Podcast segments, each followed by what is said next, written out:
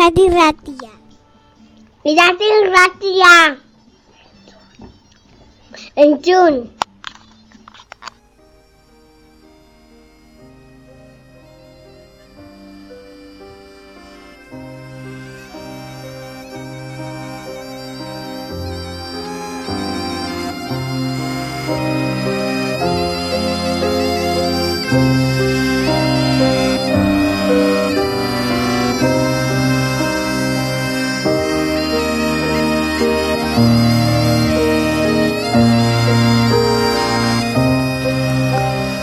Aezkoako mendietan, auina mendiren magalean, iratiko oianaren itzalean, bihotzaren erdian, euri, elur eta laino, laino guztien artean zegoen eta dago, bakardadean, isilean, lo orbaizetako ola, orbaizetako fabrikaren ondarra eta oroitzapena.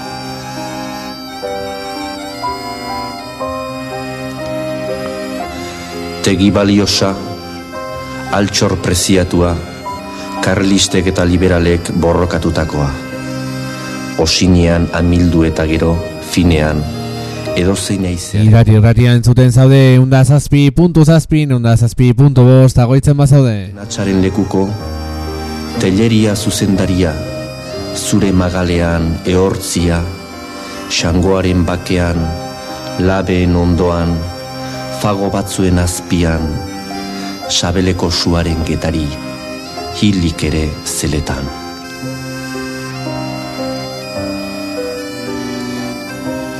Horbaizetako ola, gure ame txarriztatua, gure itxaropen urtua, hor zaude, zu zara mendien erdian. Irati irratia ere online entzun dezakezu iratirratia.eus egunen sartu zeota radio garren bezalako aplikazioak erabiliz. Horbaizetako ola zahar eta berria, gure izatearen oroitarria.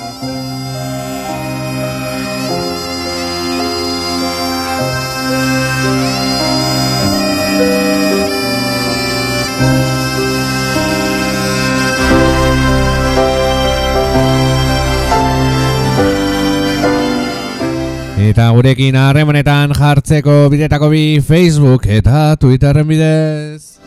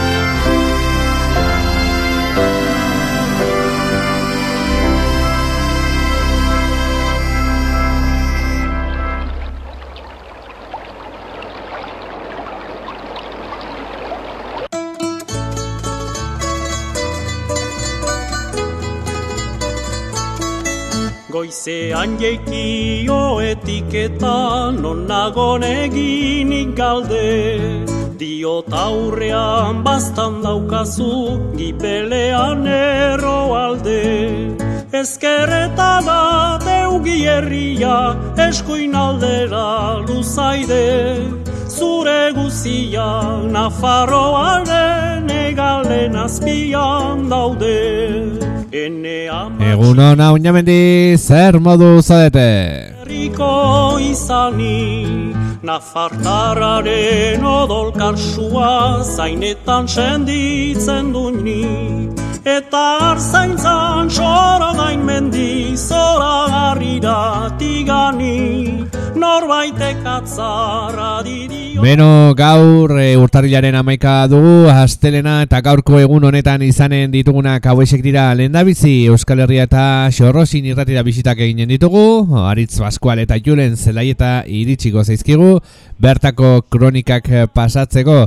Hirugarrenik izanen duguna kudea go aplikazioa bakize gupirinioa jarri dela abian e, garraio kolektibo o garraioa kolektibizatzeko erreminta berria Pirineoan martxan. Bertako egilea den e, aplikazioaren egilearekin izanen gara, Patxi e, Mirandarekin eta bueno, beranekin errepasatuko ditugu aplikazioaren nondik norakoak eta bar. Odola, eman dioten izen mendreaz, nekez daiteke kontsola. Ezin onartuz bizi naiz beti, murrizturik handagola. Bere itzala, bai honaraino, edatzen zuen arbola. Egunon, Auñamendi, ¿cómo estamos? Baina nenetzat Nafarroa ez da ezin igarria Izena nola gorde duzuntzok eta guk harto berria Bueno, hoy es eh, 11 de enero, hoy es lunes eh, y en el día de hoy tendremos eh, con nosotros y nosotras eh, bueno, en primer lugar, las visitas de rigor a Euskal Herria y Xorrosin y Ratia. Eh, ya sabéis que en Euskal Herria solemos estar con Aritz Pascual, que nos traerá las noticias eh, de Iruña y Iruñarría. Y en Xorrosin y Ratia nos iremos hasta Lesaca para estar con Julen Zelaita, que nos traerá todas las noticias eh, de Bastán y Cinco Villas. También eh, hoy tendremos, el- nos traerán una nueva aplicación en el día de hoy, eh, Kudea Go, para colectivizar el transporte, el transporte privado, eh, eso sí. Eh, y hablaremos con esta nueva aplicación, con esta herramienta que ha puesto en marcha Gu Pirinioa, con Pachi Miranda, el creador eh, de esta aplicación para Basoburúa, que se ha implantado también aquí en el Pirineo una herramienta para el entorno rural, para bueno, dejar una menor huella ecológica y para colectivizar y romper con la desigualdad a la hora de la movilidad. Y no faltarán a su cita los repasos diarios que hacemos a noticias, eh, tiempo y agenda. Así que venga, vamos con este lunes. Ona farroa banatorkizu, otoizka fagore galdez. Urrik altzaite ukatu nahi, zaituzten seme alabez. Bertze koroka batek estaltzen, bagaitu ere egalez. Baxen afarrak amazu zaitu, gunagi izan alagez. Baxen afarrak amazu zaitu, gunagi izan alagez.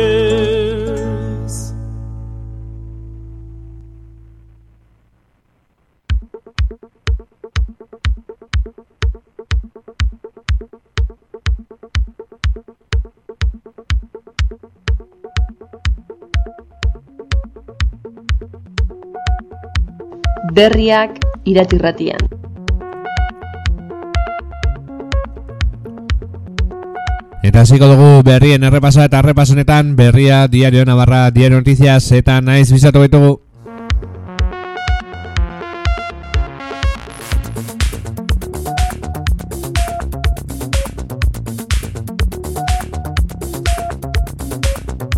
Y comenzamos el repaso al kiosco de prensa y en este repaso visitamos las páginas de Berría, Diario de Navarra, Diario Noticias y Nice.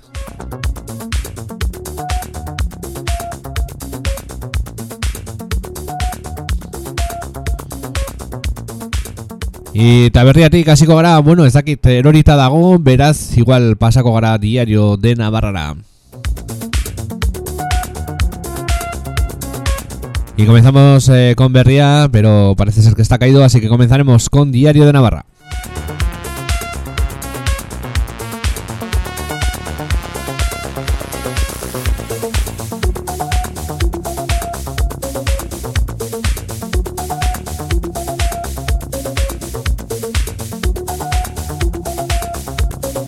Y en Diario Navarra, Navarra encadena una semana por encima de los 100 casos con la positividad rozando el 10%.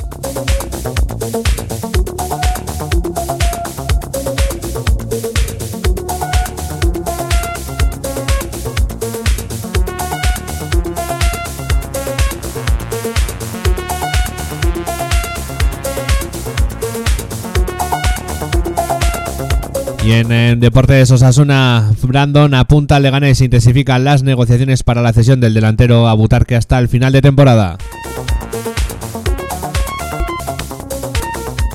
Y debido al temporal, la fauna considera que se debería valorar suspender las clases dos días en Navarra por la nieve y el hielo. Ha instado a Educación y a los ayuntamientos a que tengan en cuenta las bajas temperaturas que se están dando en Navarra.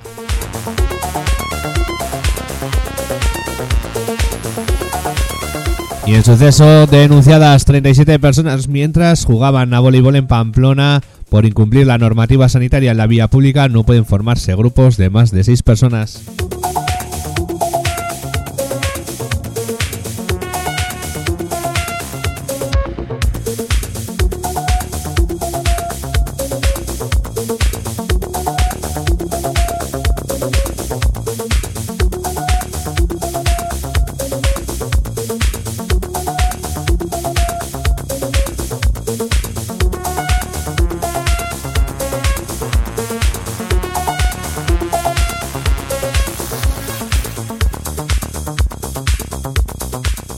Un agente de policía municipal en una intervención que se salda con tres detenidos. En total, las patrullas de policía local denunciaron este fin de semana a seis personas. Y Policía Municipal denuncia a cuatro locales de hostelería y se desplaza hasta 11 domicilios por ruidos. Las infracciones en locales de hostelería se motivaron por superar el aforo permitido, no respetar el horario de apertura y consentir estar sin mascarilla en el interior del establecimiento.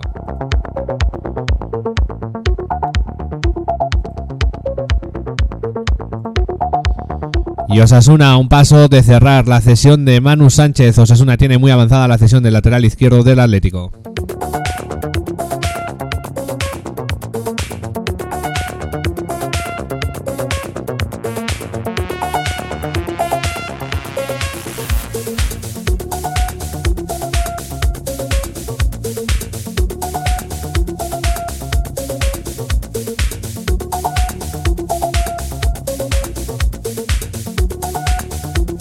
La COVID y la incertidumbre ayer en el inicio político 2021, el consejero no ha recibido por ahora notificación de la causa abierta en el Supremo. El Ejecutivo analiza la repercusión de las fiestas en la pandemia y el martes dará a conocer si nuevas restricciones.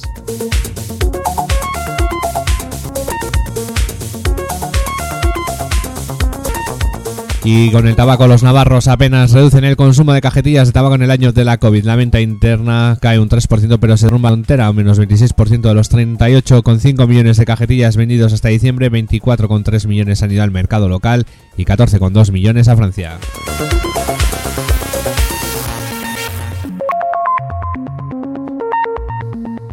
Y en el Parlamento el defensor lleva casi ocho años interino, sigue pendiente de su sustitución y ya se ha barajado algún nombre como el de una abogada.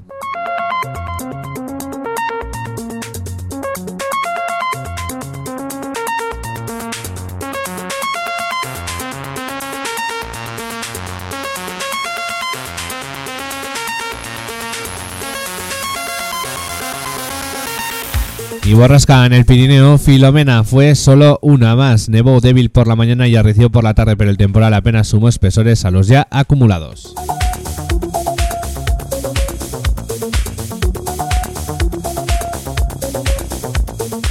Eta diario de Navarraren repaso a Noticias Araguaz.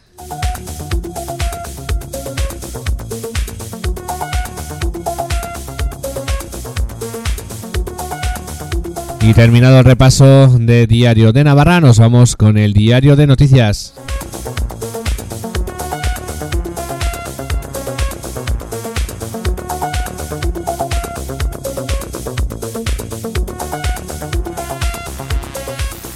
Y en Diario de Noticias, la nieve de Filomena deja paso en Navarra heladas importantes. El temporal no causa problemas graves en la comunidad foral, pero sí cancelaciones en el transporte.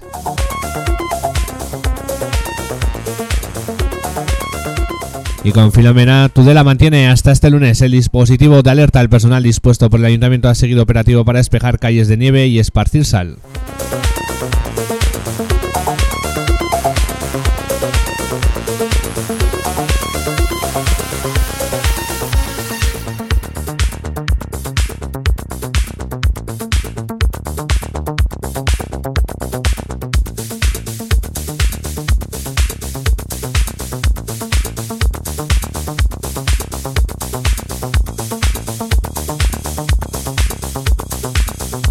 Coronavirus Navarra en cadena 7 días por encima de 100 casos el domingo. Se registraron 133 positivos, 11 de los cuales corresponden al barrio Pamplones de Mendillorri.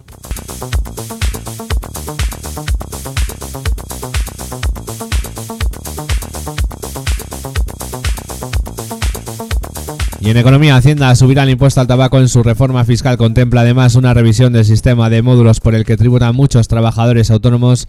Revisará las actuales deducciones que existen en el impuesto sobre sociedades.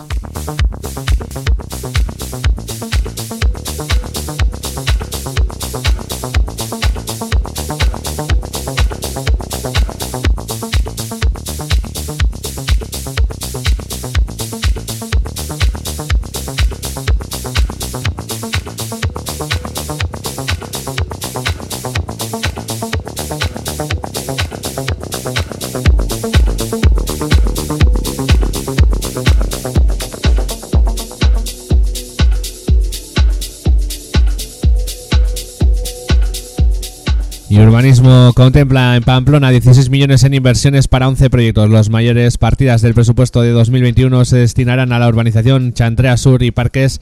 Gerencia espera acabar el expediente de la UMNA e iniciar el trámite para la reforma de los caídos. Y en cultura, el cómic y la ilustración social se citan en Ansoain. La segunda edición de las jornadas Comic y Boom se desarrollará el, 20 el 25 de enero al 7 de febrero. Y en sucesos, la policía mata a tiros a una mujer en Bayona. Un agente ha disparado a una mujer en un control policial.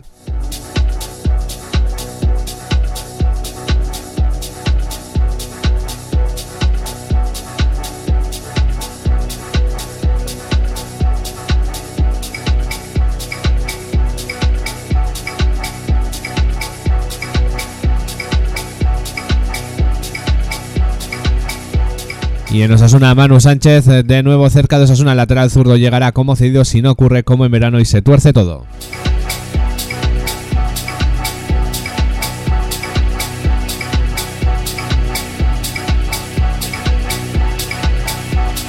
Y en política, la recuperación económica centra la actividad parlamentaria navarra en 2021. La pandemia seguirá marcando el debate político.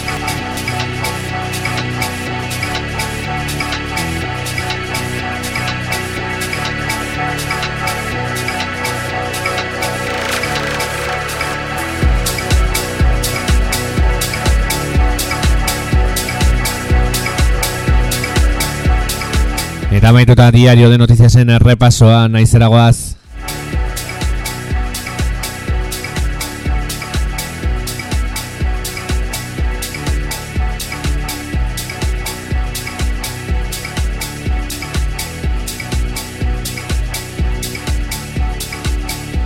Y termina el repaso de Diario Noticias, nos vamos con Nice.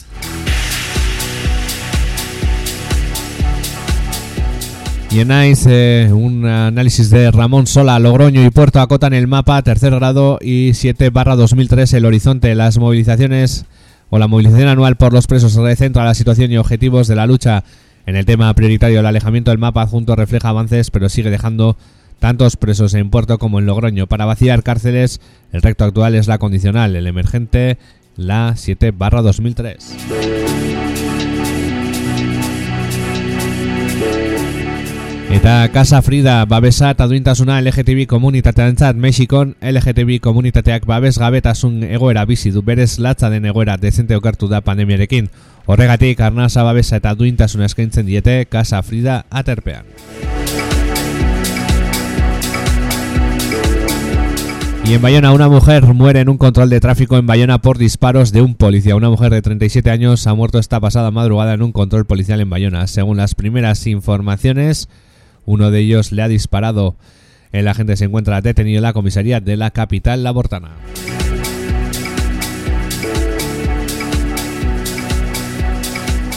Y un análisis de Re Miquel Zubimendi, redactor de actualidad sobre Estados Unidos. Fascismo en Estados Unidos, un veneno sin control, una amenaza no eliminada.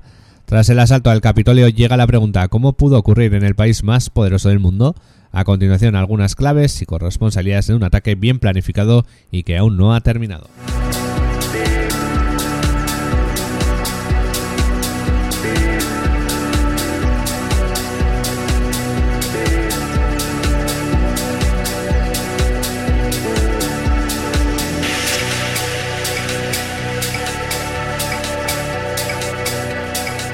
Y en eh, Polijote Irure Tagoyena pide al Partido Popular que dejen de vivir de las víctimas. Miquel Irure Tagoyena, hijo del concejal del Partido Popular de Zarautz, José Ignacio Irure Tagoyena, muerto en atentado hace 23 años, ha pedido al partido de Pablo Casado que deja de vivir de las víctimas y se ha desmarcado de forma muy crítica del homenaje organizado por este partido a su padre este sábado.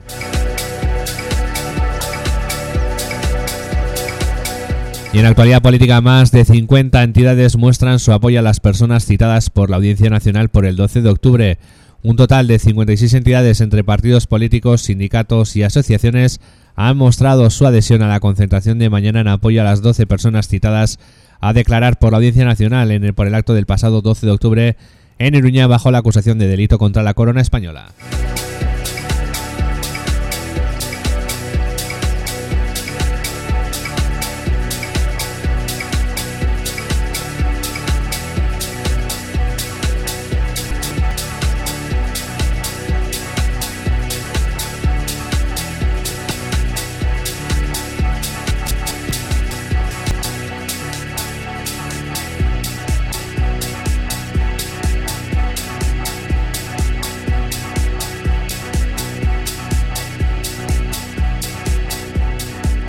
Eta kiletan eskuileta eskuin izterrean ziztaba sentitu eta partida bertan bera utzi du hartolak. Partida hasiera kaskarra izan badute ere, hiru amaika galtzen heldu diralen herrietara leia gogortu eta amaizortzi amasei aurreratu irenean utzi du leia alegiarrak.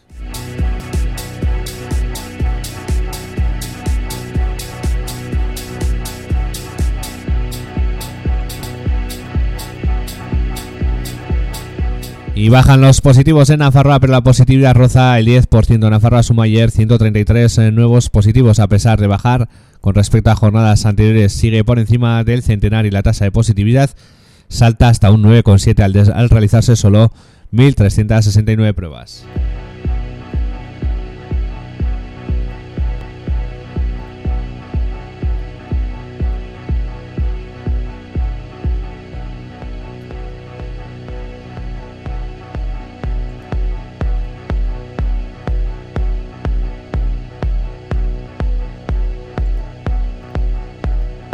Y tres personas hospitalizadas tras declararse un incendio en una vivienda en Trapagarán. Eh, tres personas han sido hospitalizadas como consecuencia del incendio que se produjo ayer en una vivienda de Trapagarán. Otros cuatro vecinos fueron atendidos por inhalación de humo.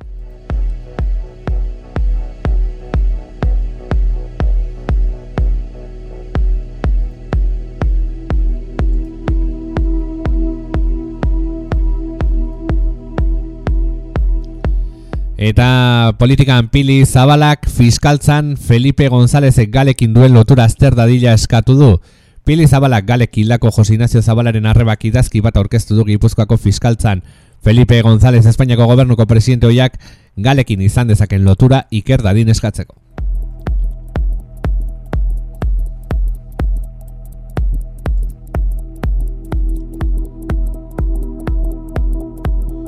Euskal Herria Bildu pide al Aqua más recursos a Osakideza para combatir el co al COVID-19, dejar de lado los mensajes confusos y las medidas contradictorias y destinar más recursos a Osakideza para combatir la COVID-19. Este es el mensaje que Euskal Herria Bildu ha lanzado hoy al gobierno del Aqua.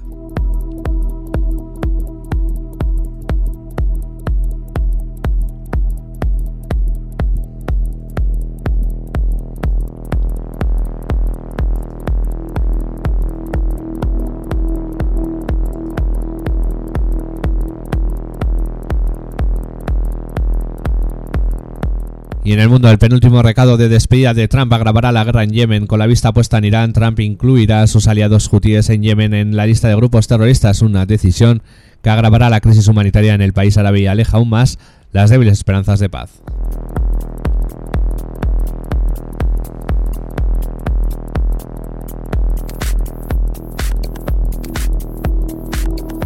Y expertos de la Organización Mundial de la Salud visitarán China esta semana para buscar el origen del COVID-19. El objetivo de esta visita es encontrar el posible origen animal del SARS-CoV-2 y sus canales de transmisión al ser humano.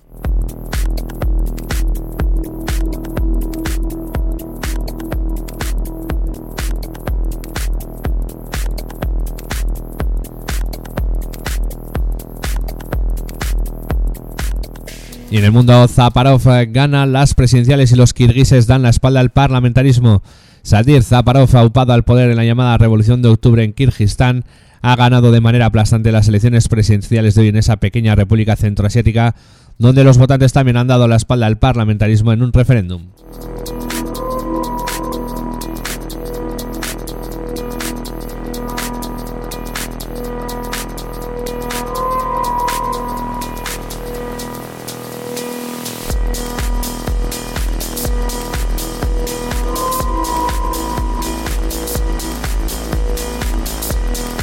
Eta ekonomian merkadira bainestizismoa da nagusi gabon osteko merkaliak merkatarien egoera hobetzeko itxaropenarekin hasi ira ala ere aurreikuspenak ez dira osonak. Urtero eroslez betetzen den Bilboko alde zarrean barna ibili gara merkaliko lehen egunetako giroa bertatik bertara ezagutzeko.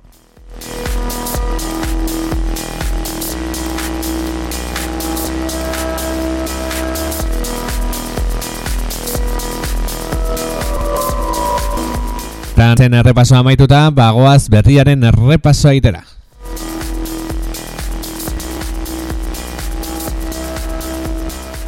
Y terminado el repaso de Berría, hoy de diario, hoy de Nice, perdón, nos vamos con Berría.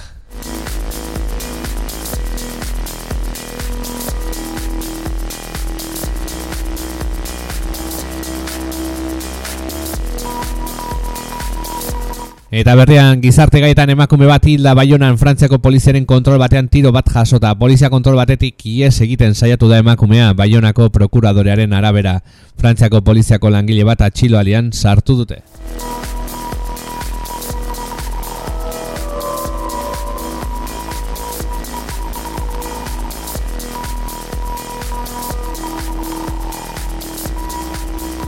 Eta gamia zen eta galen arteko lotura ikertzeko eskatu dio zabalak fiskaltzari atentatuak eta desagertze behartuak egitea eragin otezuen aztertzeko eskatu dio Gipuzkoako fiskaltzari.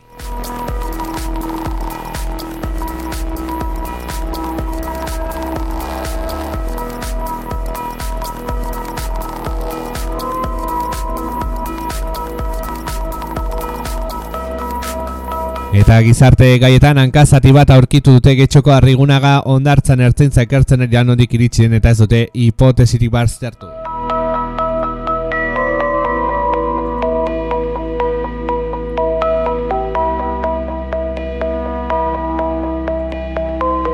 Eta memoria biktimen lepotik bizitzari usteko eskatu dio Peperi Irureta Goienaren semeak. Zarozko hilarrian atzo Pepek eginiko ekitalia kritikatu du Mikel Irureta Goienak. Etak mila beratzen da laro geita garren urtean hildako zinegotziaren semeak.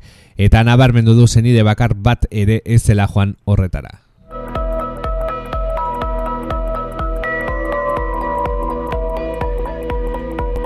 Eta gizarte gaietan, koronavirusa atzetik dator irugarrena epidemiologoek ohartarazia zuten gaitzaren irugarren olatu bat iritsiko zela Euskal Herrira eta datuek, erakusten dute kasu berrien kurbak gorantzko joera hartu duela. Bigarren olatua apaldu ez delarik dator beste bat eta ditu gehienek uste dutearen ondoriak are okerragoak izan daitezkela.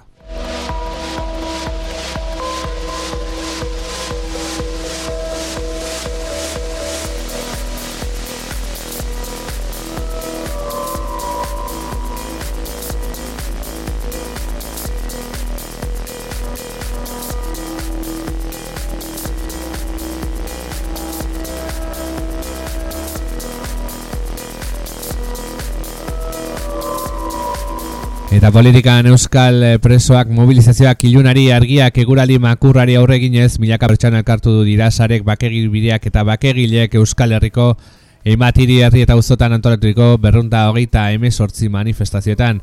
Egoaldekoetan sei eskakizun egin dizkiote Espainiako gobernuari salbuespen egoera bukatzeko eta presoen bizi baldintzako betzeko. Baionan bake prozesuan aurrera egiteko pausu berriak galdegin dituzte.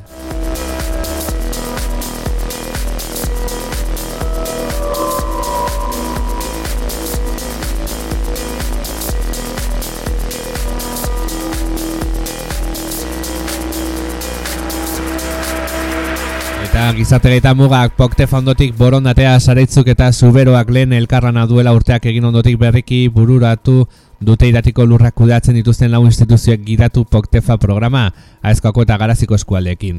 Bakoitzak bere garatu ditu Europako laguntzekin baina arago joan nahi lukete.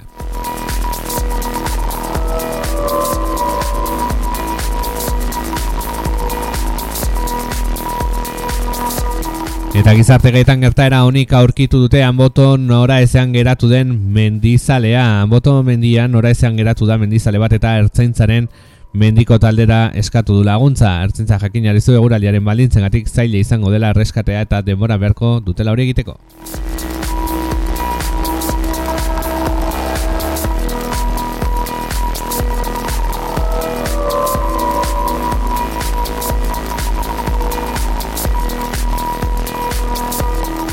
Eta politikan eziko egoera bati aurantzuteko kontuak nahi du Euskal Herria Bilduk horre kontu ez hitz egiteko bilera sortazio jaurlaritzak irartek esan du proposamen politiko oso bat aurkeztuko dutela baina azpiazuko argin dio ez da aldaketa iraultzailerik egingo.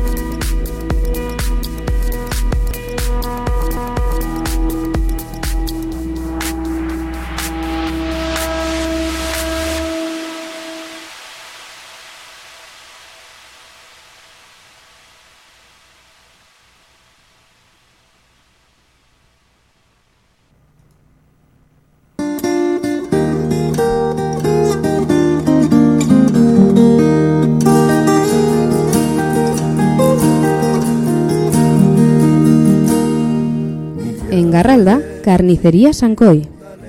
La carnicería de la carne de la zona. Ternera de Navarra, cordero de Navarra, cerdo de Navarra, pollo caserol Lumagorri y embutidos caseros. Además, productos de la zona, paté, pastas, magdalenas, chanchigor y además conservas, droguería, bebidas y congelados. Ofertas de carne de cerdo y pollo cada 15 días. Horario de lunes a sábado de 9 a 2 y jueves y viernes también por la tarde de 4 y media a 7. Y recuerda, reparto a domicilio por rutas. Llámanos al 948 76 40 01. Oarra harrotuaz murgiligarian Zorriak zeu Xankoi arakindegia, garraldan. Zonaldeko aragia aurkituko duzu. Nafarroako txekorra, txerria eta arkumea. Baserriko lumagorri oiaskoa eta etxeko estebeteak. Baita ere, patea, pastak, magdalenak, txantxigortaloak, eta drogeria kontserbak edaria eta izoztutako produktuak. Bi astean behin, oiasko eta txerri aragien eskaintza bereziak ditugu. Ordutegia, astelenetik larun batera, bederatzietatik ordu bietara. Eta ostegun eta ostiraletan, arratsaldean ere irekita gaude. Lautardietatik zazpietara. Eta etxera ere, eramanen dizugu. Egin zure eskaria, bederatzi lau zortzi, zazpi sei, lau zero, zero bat, telefonora deituta. Xankoi, arakindegia. Ola izola eta loidirekin Uranga hatxaga eta manterolarekin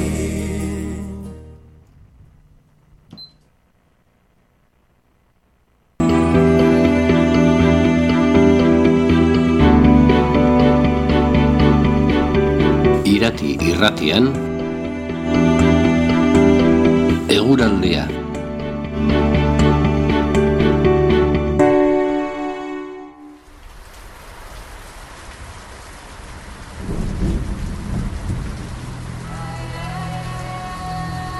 Eta uraldiaren berri jakiteko, bagoaz eh, Euskalmet agentziara, Euskal Meteoroi agentziara alegia.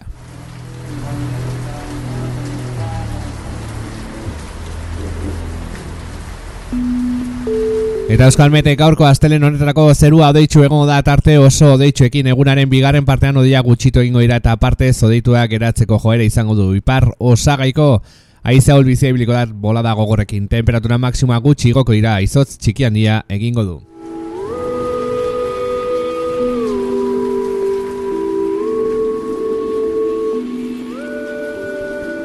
Eta bihar astarterako zerua odeitxu agertuko da, mendebal ipar mendebaldeko aizea bizi ibiliko da, temperatura minimoetan aldaketarik ez, temperatura maksimoak gutxi igoko dira, izotz txiki handia egingo du.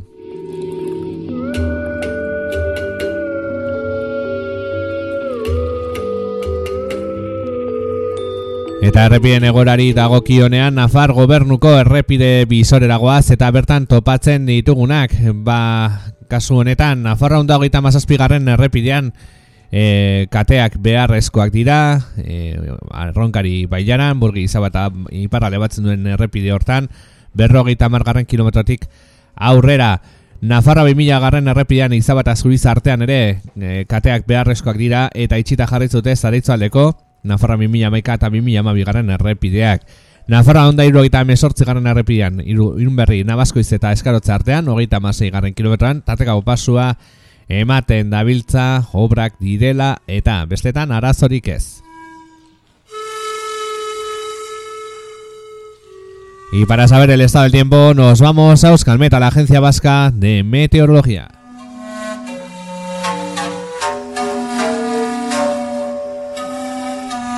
Y eh, para hoy lunes, cielos nubosos con intervalos muy nubosos durante la segunda mitad del día disminuirá la nubosidad y tenderá a quedar parcialmente nuboso. Viento flojo a moderado de componente norte con rachas fuertes, temperaturas máximas en ligero ascenso, heladas débiles a moderadas.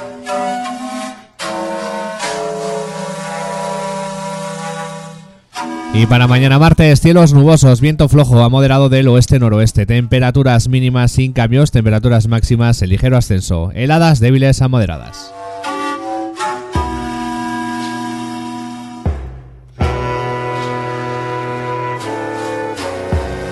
Y en lo que al estado de las carreteras se refiere, nos vamos al visor de incidencias del gobierno de Navarra y en él tenemos eh, cadenas necesarias en la Navarra 137, en la carretera que une Burguizaba y Parralde a partir del punto kilométrico 50. En la Navarra 2000 entre Isaba y Zurice también hacen falta cadenas para transitar desde el punto kilométrico cero. Están cerradas debido a la nieve en la Navarra 2011 y 2012, ambas en Zaraitzu. Y la Navarra 178 en entre la Cartacun, el Umbier, Navascues y Escaroz. Punto kilométrico 36, paso alternativo regulado por semáforo debido a las obras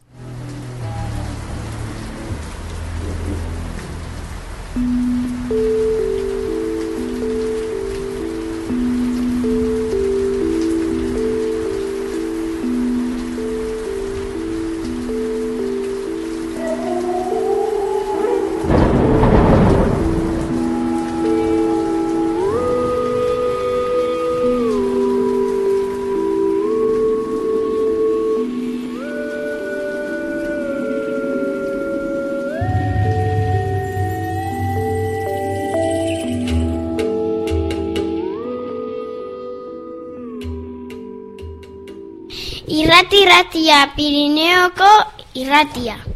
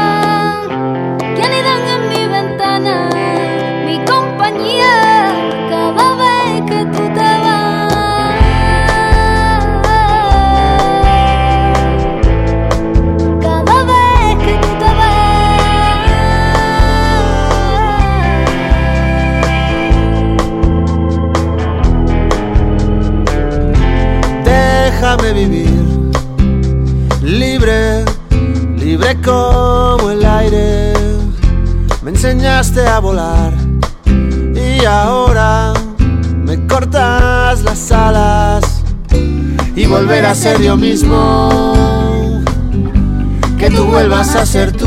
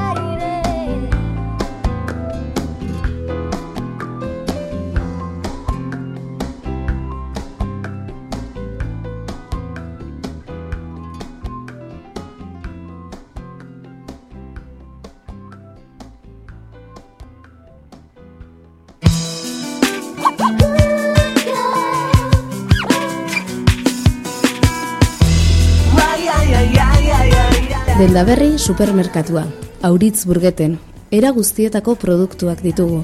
Barazki freskoak, fruta, izoztutako barazkiak, arraina, frituak eta upil izoztuak, baita drogeria, mertzeria, papergintza, edariak eta likoreak, oparirako produktuak, gutixiak eta gourmet elikagaiak ere. Eskaintza bereziak hama bostean behin. Etxe etxeko zerbitzua eskaintzen dugu. Bederatzi lau zortzi, zazpi, bederatzi, 0 iru, bat lau edo 6 bi 6 lau 0 zazpi bat zazpi 6 zenbakira deitu ez gero edota iru bost zortzi 6 kobiran arroba gmail.com elbidera idatzi ez gero. Ta kaleak bukatzen zaizkit Irten biderik gabe Supermercado Denda Berri, en Auritz Burguete. Todo tipo de productos a la venta. Verdura fresca, fruta, congelados, verduras y pescados, fritos, tartas heladas. También droguería, mercería, papelería, material de escritura, bebidas y licores y productos de regalo, delicatessen y de categoría gourmet. Ofertas quincenales. Y si quieres servicio a domicilio, llama para hacer el pedido al 948 790314 o al 626 40 71 76. También puedes hacerlo escribiendo al 3586 covirán arroba gmail.com. Pásate, pasa zaitez. Eta beno, beti hasten gara errepaso egiten e, e, ba, iruñetikan, e, Euskal Herri irratik pasatzen oi gara eta alaxe eginen dugu gaurkan ere, hor txegoaz e, irrintzi dorrera, don Ibane auzora eta bertan topatzen dugu Aritz, Pascual Aritz, egunon, zer moduz? Egunoreneko zer bete. Ongi gaude, ongi gaude zuek, ere, hotz. Ba, hemen txe, berokia jantzita, ia, ia, irrintzi dorrean amairu, a, amairu garren pixuan hotz asko egiten duela, eta hemen gaude berokia jantzita, txanoarekin, izan ere, bueno, e, ez dugu Madrilgoen antzerako temporalea izan, baina, bueno, negu gorrian gaude eta somatzen da hori ere, bai. Bueno, ez dakit eh, negu ber, e, eguraldi berdina, baina kobertura behintzat ez dugu euki, ez? Madrilekoaren bueno. bezala. Bueno, bueno, inorrez baldin bada enteratu, eh, jakin zazue, Madrilen elurra bota duela. Agian eh, orain primizia botatzen ari gara hemen nikan erratian, baina bai, bai. Ikaragarria egun hauetan eh, ikusi guna lenguan lagun batek esaten zidan eh, iragarkiak bilatu dituela telebistan hain zuzen elurrari buruzko albisteak ez ikusteko, hau da. Ja. Eta, madre mia, ah, nol, nolako txapa sartu diguten. Bai. Bueno, oitu, oituagoa gaude, ez da ere, e, elurra izatera, are gehiago zuen zonaldean, ez da, egun hauetan e, elurtuta zaudetelarik, baina, bueno, oituagoa gaude eta normalagoa da. Eta erantzuna ere bai, are normalagoa izaten da gurean behintzat. Bai, alaxe da, are normalagoa izaten da gurean, eta bueno, beti bezala suposatzut hasiko garela eh, koronavirusaren inguruan solasten, datuen inguruan eh, solasten, ez? Bai, filomenak eh, ez dizkigu oztu ez da, eh, koronavirusaren datuak, eta bueno, beti ere eh, presente izan behar ditugu, ez azteko hain zuzen, eh, pandemia batean gaudela, eta jadanik gainera irugarren olatuan gaudela sartu, eta gau eunta, gaur egun hogeita mairu kasu zenbatu dira, edo antzeman dira Nafarroan, azkeneko hogeita labordutan, alaxia azaldu digu osasun departamentuak, e, berriz ere ehun kasuetatik e, goiti gaude, azkeneko zazpi egunetan alaxe izan garelarik, kontutan hartu behar dugu gainera, atzo aurreko egunetan, baina proba gutxiago egin zirela, mila irureun e, proba egin ziren, beraz positibotasuna berriz ere uneko bederatzean e, kokatu zaigu. Guzti honek zer esan nahi du? Bada, jadanik ez gaudela B ordoki horretan, bigarren olatuaren ostera, ostean jeitsi ginen B ordoki horretan, eta gonuntzko joer hartu duela gure gure intzidentziak Nafarroan, begira. Eta datuak e, pilatuta, astelenetik e, igandera eman, osasun departamentuak emandako datuak pilatuta, e, pasaren astean, hau da, atzo arte, mila hogeita bost e, koronavirus kasu zenbatu ziren, astelenetik igandera, aurreko astean baino berreunta laro hogeita zazpi gehiago. Duela bi aste baino laureunta hogeita masei gehiago da, ia bikoiztu egin dira kase, e, kasuak bi astetan euneko berrogeita zortzi egin dute gora, eta hori jadanik erakusten digu, ba, ba bueno, serio hartu beharko dugula, eta hirugarren olatu batean e, sartuta e, gaudela. Orain gure zalantza hundiena da, e, noiz arte, edo, edo honien aurrean zer egin, izan ere, e, momentuz, Nafarroko gobernuak ez du neurri berririk iragartzen, eta 2008 bat hasi denetik e, ez dugu Santos Indurain, osasun kontxelariaren hitzik e, entzun, beraz ikusi beharko da, neurriak hartzen diren, eta ea oraingoan hirugarren olatu honetan, ba, garaiz hartzen diren eta berriz ere ez garen e, Europa osoko e, daturiko kerrenak erakusten dituen lurraldea izaten, ea itota izan aurretik neurriak hartzen diren. Neurriak zeintzuk, ba, izan daitezke berriz ere itxialdiak, berriz ere e, ostalaritzaren itxiera, e, txe barruko bilkuren e, debekoa ikusi beharko da. Hoiek direlako eta frogatua zegoen e, urrian e, urriaren hogeita bitik geroz, geroztik, bigarren olatu horretan frogatuta geratu zen, beruntz egiteko, inzidentziak beruntz egiteko horrelako neurriak hartu behar direla.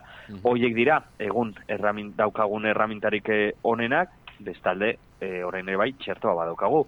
Pfizerrena momentuz bakarrik, jadanik bos mila berreunta berrogeita maika jarri dira larun batera arte behintzate Nafarroan, gaurtik aurrera Nafarroko gobernuak espero zuen mila dosi egunero jartzea, ikusi barko da betetzen diren aurrekuspen hoiek, momentuz adineko negoitzetan ari dira e, botika jartzen edo dosiak jartzen, bai egoilarrei, baita profesionalei ere, eta urtarrilaren metzortzitik aurrera osasun profesionalei, hau da, ospitaletako langilei, mediku, erizain langile guztiei, jarriko zaizki ere bai e, txertoak, hain zuzen, pertsona zaugarrienen ostean beraiek direlako koronavirusaren e, kontrako borroka honetan ba, lehen lerro horretan e, direnak. Hoi, hori da hain zuzen egoera, egoera epidemiologikoa, egia esan jadanik e, amar egun pasa dira urte zarraz geroztik, e, gehiago pasa dira azte, e, zera gabonetatik, orain somatu beharko genuke olaturik haundiena, edo zabalkunderik haundiena e, koronavirusarekin, eta beraz, e, datozen e, egunak eta asteak ere bai, ba, klabeak izanen dira, pandemia eta hirugarren olatu honen e, goraka dau noraino joanen den e, ikusi izateko. Eta beno, olatu etaz eh, ari garela, ematen du ere beste olatu bat datorkigula gainera, epaitegitatik datorkiguna alegia, eh, ez? Bai, bai, bai. Aste honetan, e, hain zuzen, e, jarduera hundia izanen dugu Nafarroako epaitegi justizia jauregi horretan. Izan ere, ba, bi epaiketa ditugu, dituak gaur esate baterako arrotxapeko gaztetxeko kideak deituak daude, badakizue arrotxapean gaztetxe bat okupatu zela duela urte eta mm, bertan eh, ekimenak eta jarduerak egiten ari direla normalki. E, denbora guzti honetan, bada deituak daude e, deklaratzera hainbat kide eta gazte asamblako kidek er, erraten e, digutenaren arabera desalojoa bera ere bai egon daiteke e, hortxe jokoan e, epaiketa honen ostean eta baita oso oso isun e, potenteak egon daitezke. Gaur eguerdian eginen da elkarretaratzea hor auzitegi epaitegi horretan eta antzi izanen gara Euskal Herri irratian eta gero gu bai kontatuko dizuegu. Guzti guztia gure sintonian eta gero bihar ere bai e, beste epaiketa bat e, are garrantzitsuagoa edo behintzat are larriagoa izan daitekena, izan ere tartean auzitegi nazionala dago, eta hortxe amabi gazte, Nafarroako amabi gazte, deituak daude deklaratzera, auzitegi nazionalaren aurrean, telekonferentziaz edo bidekonferentziaz eginen omen dute Nafarroatik bertatik, behintzat Madrilerako bidea edo bidaiare bai aurreztu dute, denok dakigula Madrilerako bidaiak oso arriskutsuak eh, direla auzitegi nazionala tartean baldin badago, Eta e, zer eta zergatik eta Espainiako erregearen e, irudia zeukan e, estatua bat lurrera botatzeagatik, e, gezurrezko estatua bat lurrera botatzeagatik, horrela gordintia salduta. Badakizue urriaren amabian, ezkerra bertzaleak ekitaldia egin zuela Iruñean, e, imperialismoaren kontra gora herriak kanpaina horretan e, kanpaina horren barruan, eta ekitaldiaren amaieran, Cristobal Colón eta Espainiako egungo erregearen irudi batzuk lurrera bota zituzten. Noski hori Espainian koroaren kontrako delitua e, da, hori dio kode penalak, eta, bueno, ba, hogeita bat garren mendean oraindikan ere, ba, hauzitegi nazionalara joan behar zara, horrelakoak e, egiten baldin badituzu, hau da, errege hori, e, errege horren irudi bat lurrera botatzen baldin baduzu.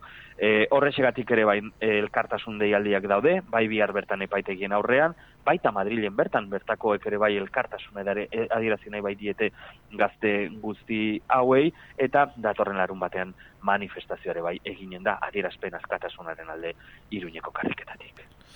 Eta beno, epaitegien eh, kontua alde batera utzita, beti ere aipatzen izan izan ohi dugu kirola. Gainera Bai. eguraldiarekin ere zerikusia dokala, ez, eh, oraingoan.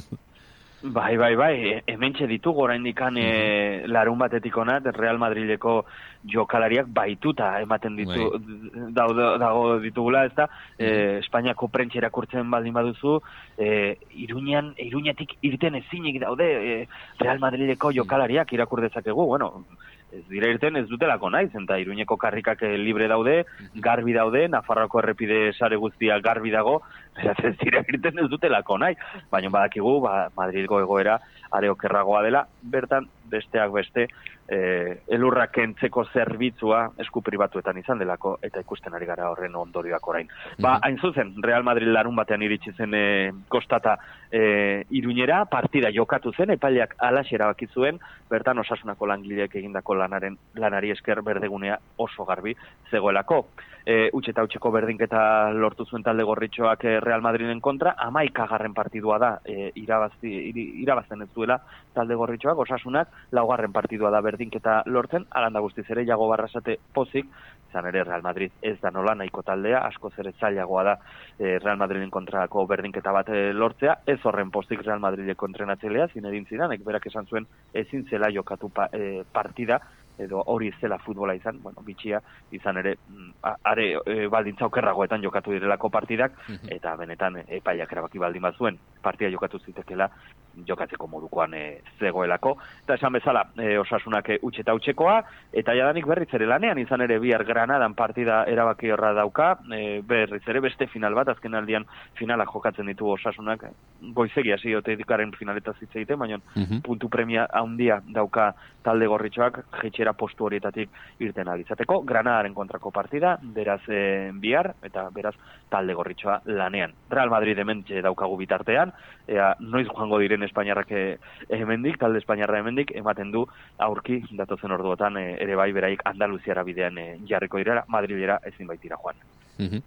Eta bueno, e, kirola alde batera utzita, e, suposatu eta agenda kontuetan e, egongo dela, zer aipatu?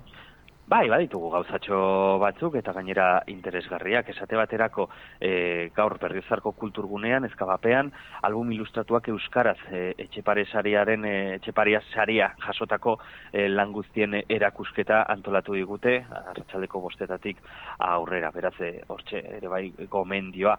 E, bihar, oso liburu aurkezpen interesgarriak katakraken, e, Jon Alonsoren azken lana, ikerketa lana, Naparra kasu irekia, hain zuzen e, Naparraren kasuaz eta baita bere bere familiak e, haren gorpua bilatzeko egindako e, lan guztietaz eta pausu guztietaz ba, ikerketa interesgarri egin duelako Jon Alonso, bihar hartxaldeko zazpietan katakraken, oi biharrez asteazkenean markatu aurkeztuko du e, katakraken e, Jon Alonso, eta horretan ere bai, ba, adi adi izanen gara.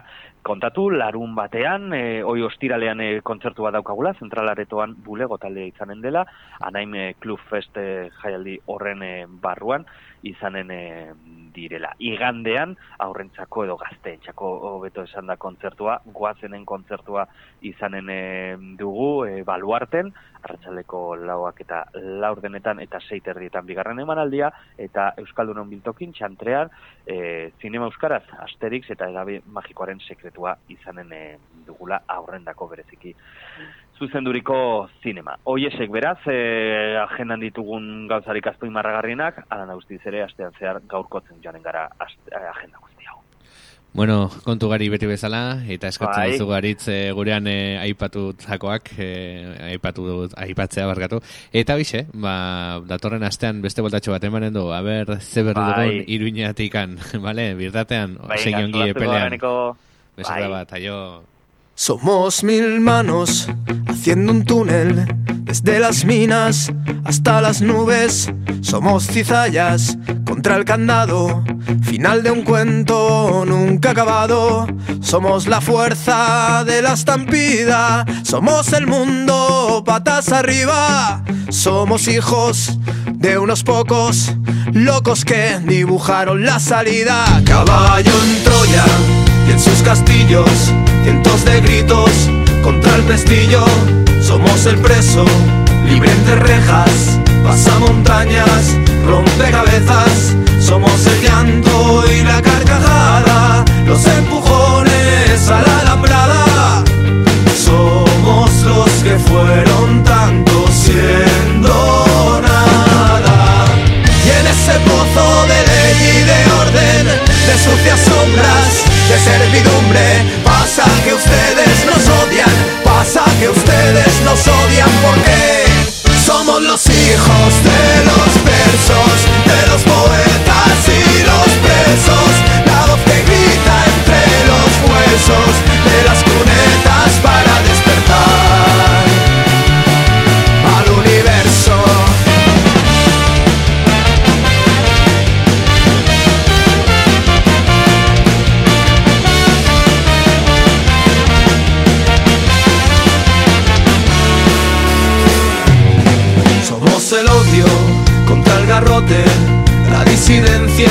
que sale a flote, la noche al raso del fugitivo.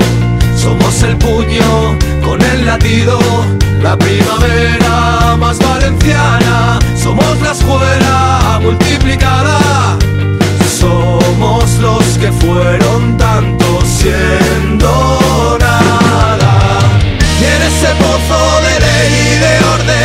de sucias sombras, de servidumbre, pasa que ustedes nos odian, pasa que ustedes nos odian porque somos los hijos de los versos, de los poetas y los presos, la voz que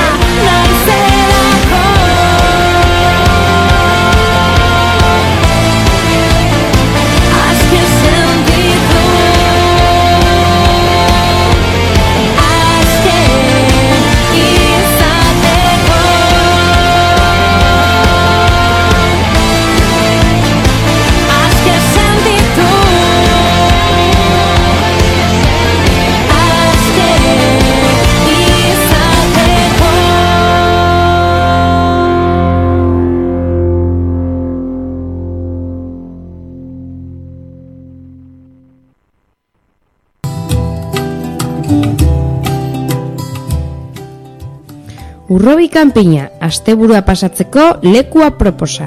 Azaroaren batetik apirilaren batera, asteburetan eta jaiagunetan soilik irekitzen dugu. Neguko menua, neguko karta, ogitartekoak, razioak, etorri eta dastatu gure produktuak. Ez ara, damutuko. Informazio gehiago campingjurrobi.com edo bestelaz bederatzi lau sortzi zazpisei 02 00.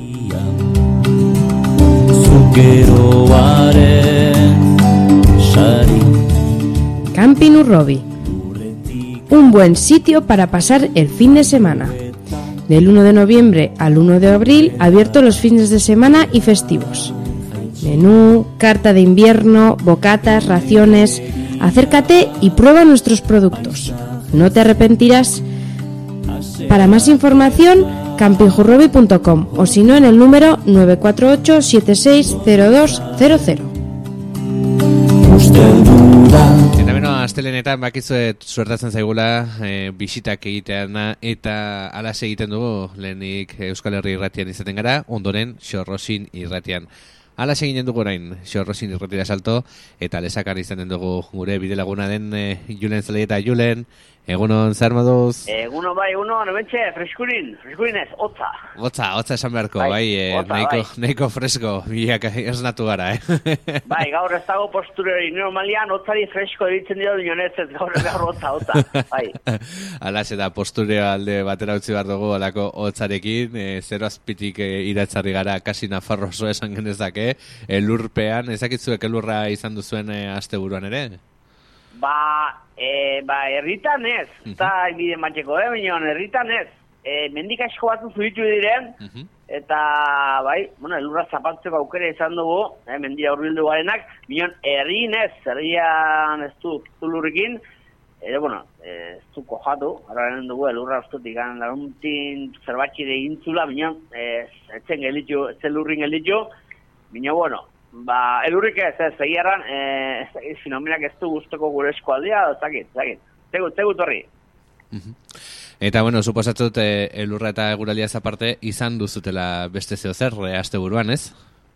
Bai, bueno, azteko eta behin, aipatuko dugu eh, gure eskualdeko sortzi herrik, eh, larun batian, ba, bat egin zutela, sarek, bakebideak eta bakegilek antolaturiko mobilizazioekin, eta horren arira, ba, donesteben, arantzan, beran, elizondon, erratzun, etxalaren, igantzile eta lesakan, ba, elgarretaratzeak egin zirela.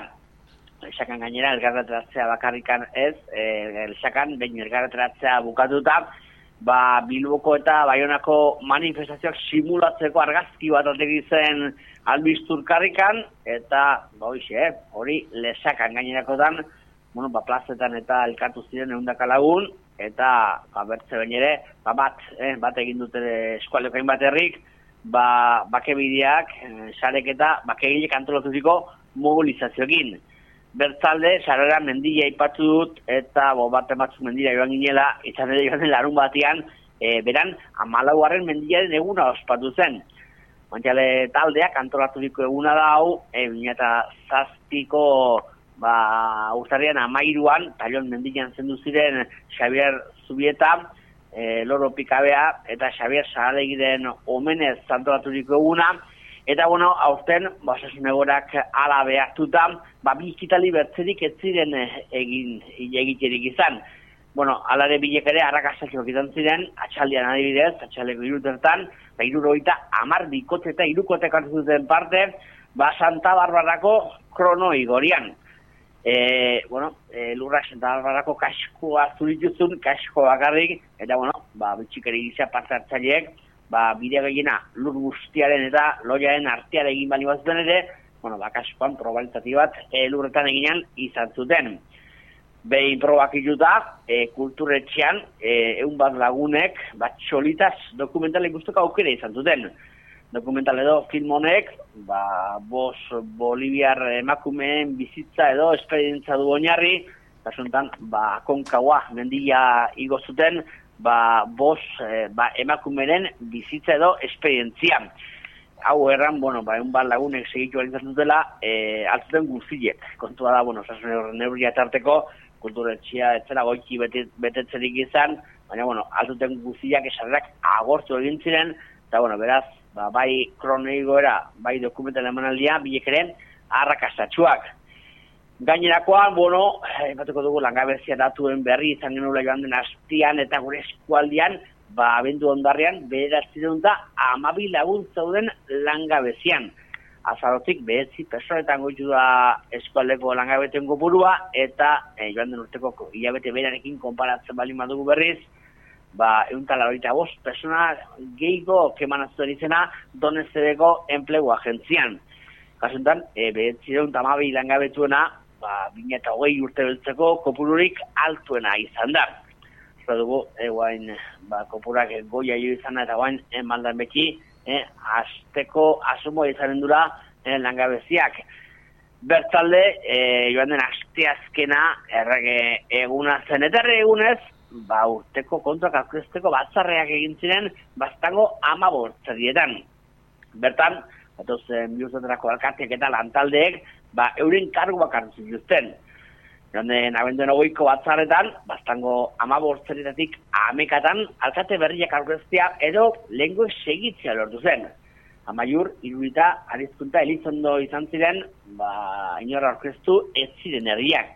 Bueno, ba, jonden azkenean, e, azkeneko momentu menion, amaiurren, Isabel Alemanek, bere buru, aurkeztu zuen, bat datozen bi urtetan, amaiurko alkate izateko. Elizondon, aizkuren teguritan berriz, momentuz, ez da alkate izateko inoen aurkeztu, beraz, alkaterik gabe segitzuko duten. Eta guain, alkaterik gabe, ze, bueno, guain, e, e, batzar horreko lendakariak, hau da, Joseba Otondo jaunak, ba, erabaki beharko du, horrengo deialdia noizko egin, eta, bueno, borren berri emanen dut ja, ja, hiru herri horietan, hirurietan arizkuren telizondon, ba, alkateak edo aukeratzerik dagon. Bertalde, bueno, eh, aipatuko dugu urte berriarekin, eh, ba, estrenuz gabiltza da, eh, izan ere, ba, bi eraikin estrenatu berri ditugu. Azteko, iturengo aurrek eta irakasek gaur estrenatu dute, baiturengo pulumpa eskola berria. Carlos Jimeno, eta konseiaria, ondela bizpairo aste bizitan izan zen, eta, bueno, barran e, 2,6 milioi euroko inbertsioa egindula Nazarroko gobernuak ziturengo eskola berrian. Bertan, ba, aurretalen ezkuntzako, irurogeita mar ikasle inguru biluko diren. Bueno, eh, aipateko dugu iturenen guain arte, eskola udaletxian zegola, eta, bueno, ja, ondela mar urte nio gehigo, eh, ja, herritarrak eskola berria eskatzen ari zirela, bueno, ba, mar urteko bilibide luzia, gaur akitzu da, izan da gaur estudiatu behitute, ba, eskola berria. E, hori iturenen orono zen berriz, baronozko mediku konsulta beharritxu egin dute, kasuntan e, beharreunta labita amase mila, zazpireunta amabikoma, zero bat euroko kostu izan dute lanek, eta hau, ba, joan den hastian estrenatu zen. Bueno, e, garantzitsua da, oronozko mediku konsulta, bueno, dena dire garantzitsua, unio bereziki oronozkoa, bazergatik, bueno, ba, oronozko konsulta, delako, ba, untabita bat, ah, errepide beltzaren, ba, ondoan dagona edo hurbilen dagona. Beraz, horrek errazera nahi du, bueno, ba, ne bat errepidean, ba, estripu baten aldiro, ba, horrenozko, ba, ardudaunak, horrenozko konsultako ardudaunak, ba, bertala joaten direla. Batik, eh, batik garrantzitsua da, eh, ba, horrenozko konsulta behar eta haunditzu izana. Eta tira, azte honetan, zer, bueno, azte honetan gauza gutxi, e, bueno, azte honetan adiez, e, bueno, San Anton, nahi beharko dugu edo, ez San Anton, ez dakit nola ditu, e, kontu da berez, igandian San Anton eguna dela edo, no, honetan San Anton zela ospatzekoa baino, bueno, osasun kontu harteko, bueno, ba, ez ospatzerik izanen. Bino, bueno, zerbait seinaleren bat izanen da, adibidez, e, lesakan, ba, San Anton egunian bertan, e, bueno, igandian bertan, e, trikidantz taldeak, ba, kontzertu bat eskeniko du kulturetxian, e, tartean, zubietan, zubietan ere, bueno, San Anton baselitzaren onduan erromeria eta egiten da, bueno, orten, erromeririk ez da ginen, baina, e, bueno, ba, bueno, ba, mezak edo izan eromen dire, baina gero, eh, gero egiten diren bokadutxok eta txokolte berua eta dantzaldi eta, horiek bertan bertzik dire, baina, Hortxe, baina aurren guztian ospatzerik dauden. Eta Elizondon, eh, Elizondon ere besta fisikorik ez da eginen, normalian Elizondoko plazan, hortxe, ba, ba eta banatzen ibiltzen dire.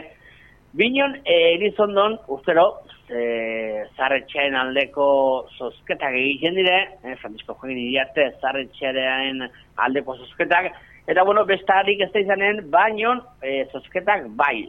Bueno, ba, inguruko osatuta ez da, establezimentutan, jarri duzte salgai boletoak, eta bueno, ba, orten plazan ez, udaltzainak ez dire, ez dire boletoak saltzen ibiliko, baina bueno, boletoak salgai jarri duzte eta zozketak eginen diren. Eta hoxe, ba, ba, kontu horiekin nakitiko taskontako kronika. Ba, bueno, kontu gari beti bezala, eta atxegin handiz eh, jasotzen ditugu zuenetik eh, julen.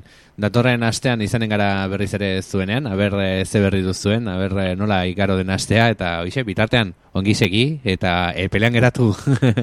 Oida, oida, oida, segetuko gara, eplean gilitzen, urrengo txarta ihu.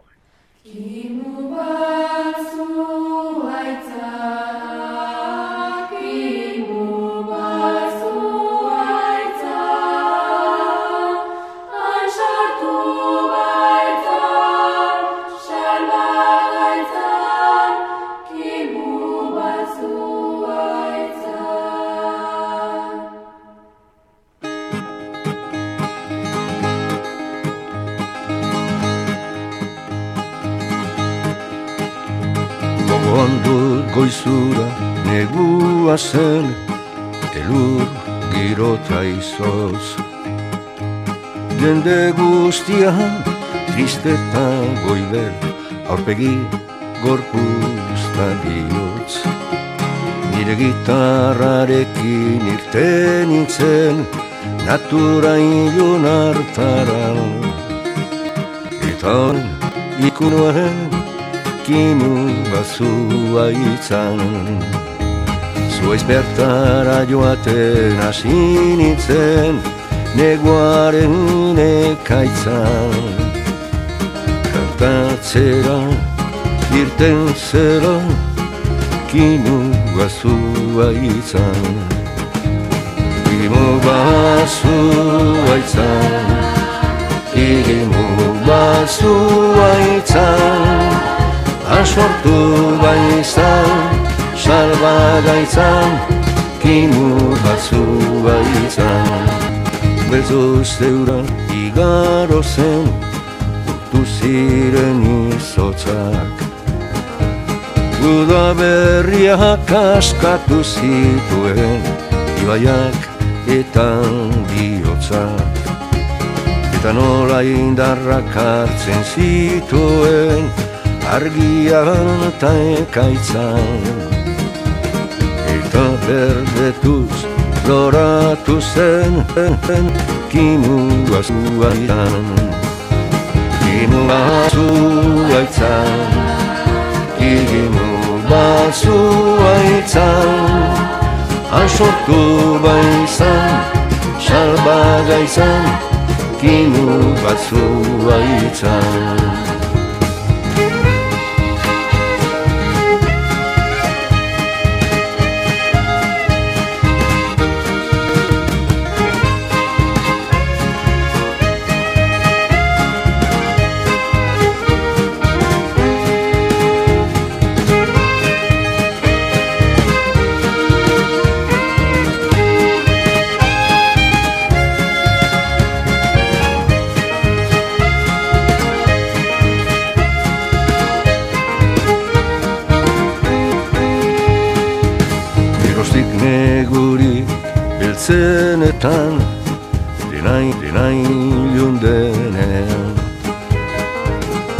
Gogoan dut kimuaren jaiotza Gure lurraren minen Eta nola indarrak hartzen zituen Argian eta ekaitzan.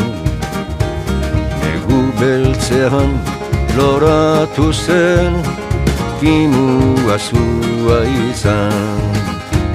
Kimu bazua izan Ikirimu bazu baitza Arsoktu baitza Salba gaitza Kimu batzu baitza Kimu batzu baitza Ikirimu bazu baitza Arsoktu baitza Salba gaitza batzu baitza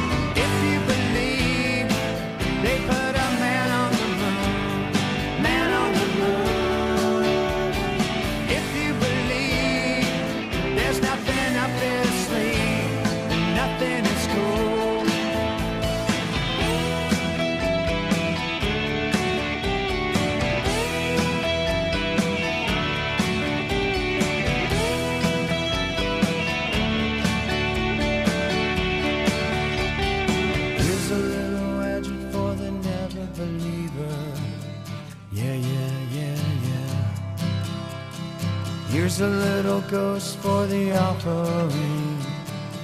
Yeah, yeah, yeah, yeah. Here's a truck stop.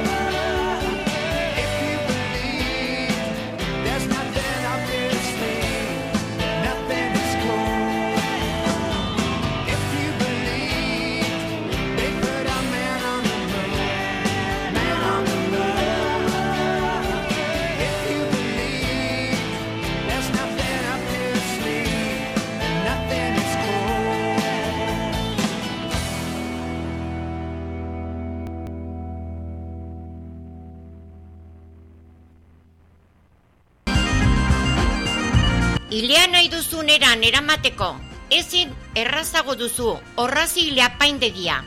Zerbitzu guztietan euneko amarreko deskontua gazte txartelarekin euneko hogeita bostekoa. Ile bilduak ditugu berezitasun. Mugikortasun arazori paduzu zure txera mugituko gara. Eskulan gintzan, bisuteria eta makrame.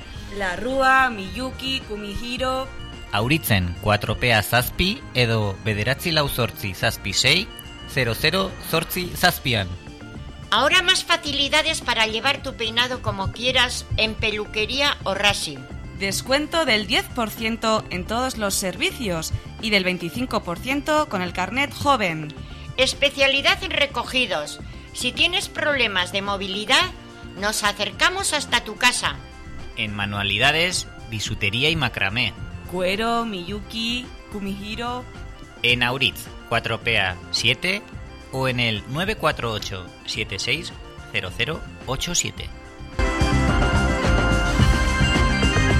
Y bueno, comenzamos eh, hoy con una entrevista sobre un nuevo servicio que se pone en marcha eh, a través eh, de la plataforma Gu Pirinea, pero con una aplicación que fue creada en Navarra, en este caso en Basaburua, el transporte eh, individual colectivizado, eh, una especie, bueno, de lo que conocemos como una especie de BlaBlaCar a lo rural, que fue ideado por eh, Pachi Miranda de Copoliqui y creador de esta aplicación. Y bueno, vamos a hablar con él sobre esta misma aplicación. Pachi, Egunon, ¿qué tal estamos? Egunon, Eneco, Egunon. Bien, bien, estamos bien. Bueno, eh, hemos comentado que hoy se pone en marcha aquí en la zona eh, la aplicación eh, Go eh, que ideaste tú eh, para, digamos, para el entorno rural de, de Basaburúa, para el Valle de Basaburúa. Pero cuéntanos de dónde surge este proyecto. Vale, eh, bueno, esta iniciativa al final eh, nace eh, sobre todo por una necesidad. Yo en 2014, pues bueno, vivo en Basaburba, en un- una población pequeña, y bueno, entonces eh, al final en lo rural siempre estamos moviéndonos en coche, pues tenemos ¿no? diferentes cosas que hacer, necesidades, y estamos todo el día cogiendo coche. Entonces, por necesidad pura y dura, pues creé un grupo eh, al uso, un grupo de WhatsApp, para empezar a compartir coche. Este, esto fue en el 2014. Entonces, bueno, en estos seis años, en este caso ya va a ser el séptimo, pues la verdad que los números demostraron que, jolín, pues eh, de más de, de cuatro mil y pico peticiones que, que, se- que se han hecho para compartir coche, pues eh, se, se hicieron tres, tres mil y pico. Y luego se sacó una cuenta, ¿no?, de más o menos cuánto CO2 habíamos dejado de emitir a la atmósfera y salió el resultado de 14.700 kilos de CO2 que dejamos de emitir a la atmósfera. Pero la cuestión es que al final eh, no dejábamos de ser un grupo de, vamos a decir, de amigos, ¿no?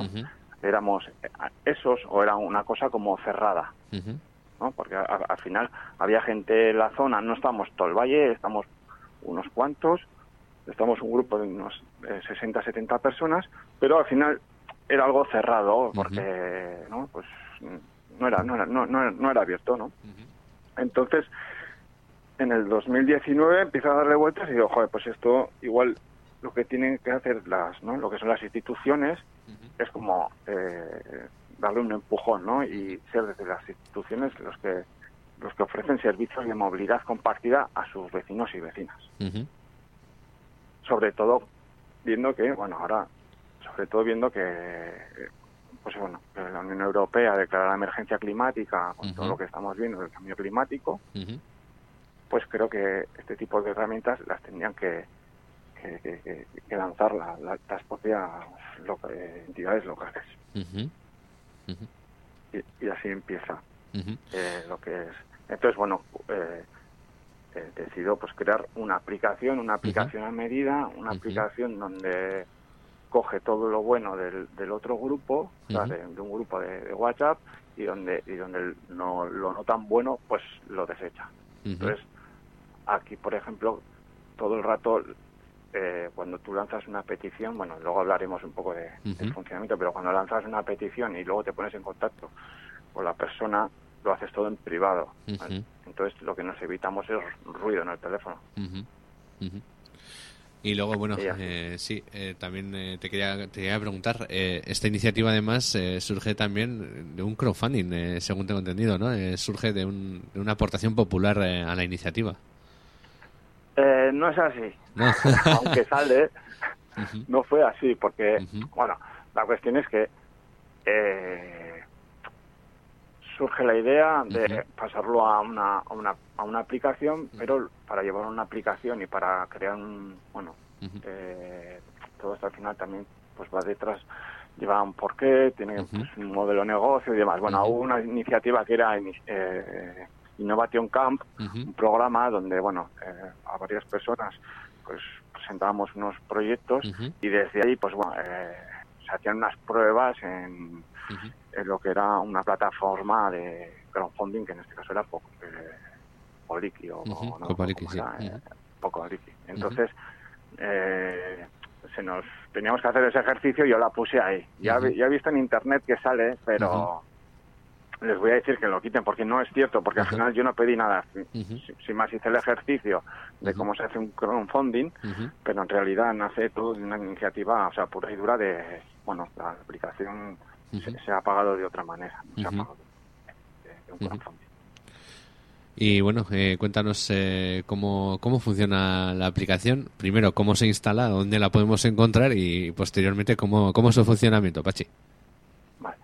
Eh, la aplicación está en las tiendas de, Google Play y Play Store.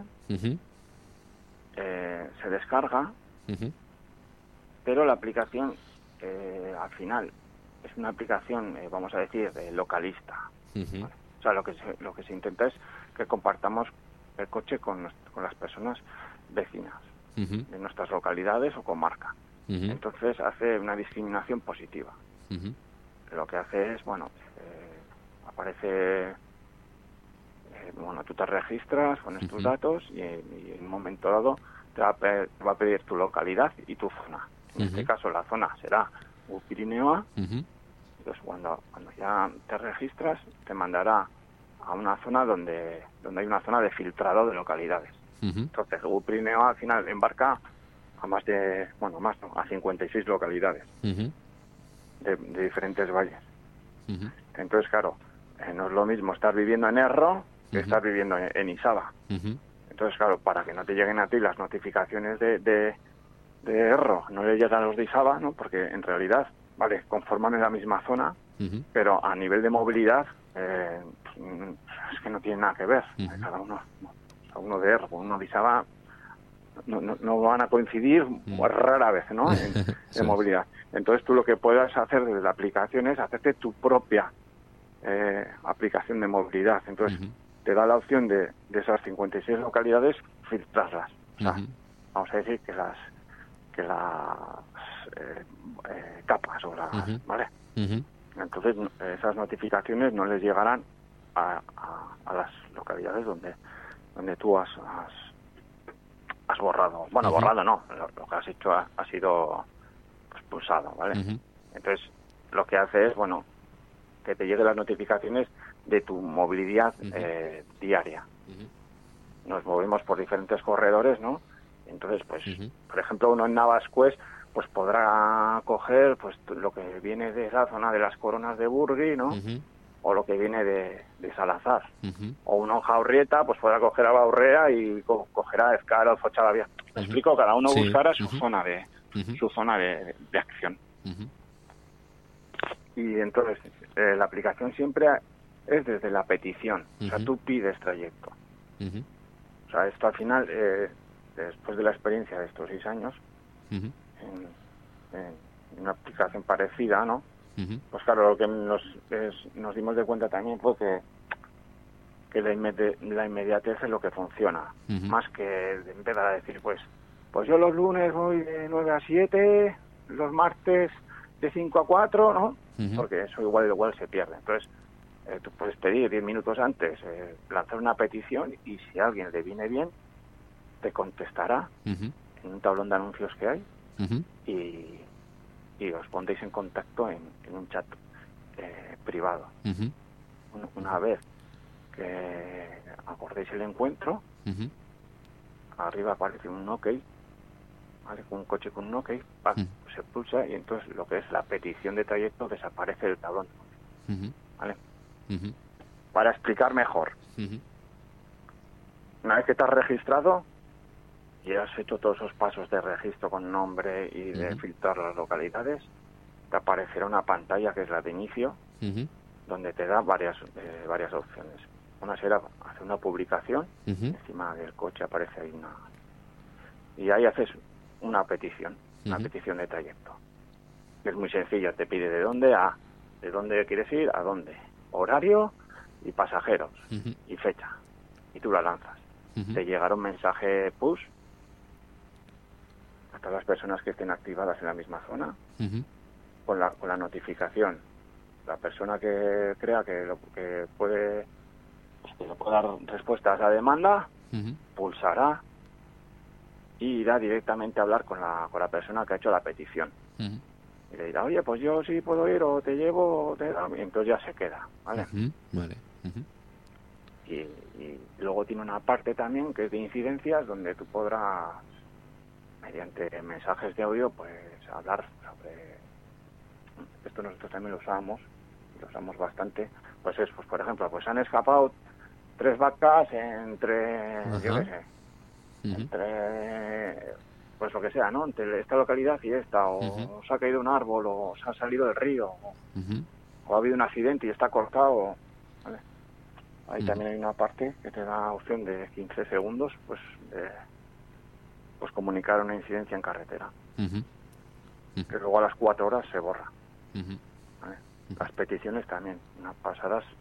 Si tú lanzas una petición de trayecto y a los, a los 20 minutos de la hora de la petición eh, eh, no nadie nadie te contesta, la petición también desaparece automáticamente. Y esto sería lo que sería el funcionamiento. Luego la aplicación tiene una parte que es bilingüe. Cuando te descargas la, la aplicación te va a pedir el idioma con el que te quieres comunicar. Entonces, si eliges en euskera, pues la aplicación se pondrá en euskera. Tus peticiones las mandarás en euskera y la gente las recibirá según como lo tenga descargada la, aplicación. Los que la tengan en castellano la recibirán en castellano y los que la Ujú. tengan en euskera en euskera. Luego en el chat ya se usará el idioma que las dos personas pues, Te entiendo. pongan para- o sea, que quieran para comunicarse, es. ¿vale? para entenderse de dónde Sí. quedar. O, Ujú, o sea, es muy sencillo, ¿eh? Al- Al final, o sea, rellenas unos campos y mandas la, la, petición de trayecto y la otra persona lo, lo recibe. Es una, es una aplicación que no que no hay transacción económica entre las personas usuarias, o sea, no es una aplicación comisionista como puede ser BlaBlaCar, ujú, donde Bla- eh, pues por ejemplo BlaBlaCar se da un tanto un porcentaje del trayecto y ya te va marcando qué, qué coste tiene la- lo que es el, el trayecto. Aquí no, no hay dinero entre las personas usuarias. Es decir, al final la entidad local lo que pone es una herramienta al servicio de, de- de los vecinos y vecinas para que lo usen y cada uno comparte coche y pone su coche por si- 7.000 motivos. ujú. Y bueno, Pachi, pues eh, ya nos quedaría que nos cuentes o que nos digas eh, por qué es importante colectivizar estos eh, trayectos o en su defecto también, por qué es importante el uso de este tipo de herramientas como QDA Go.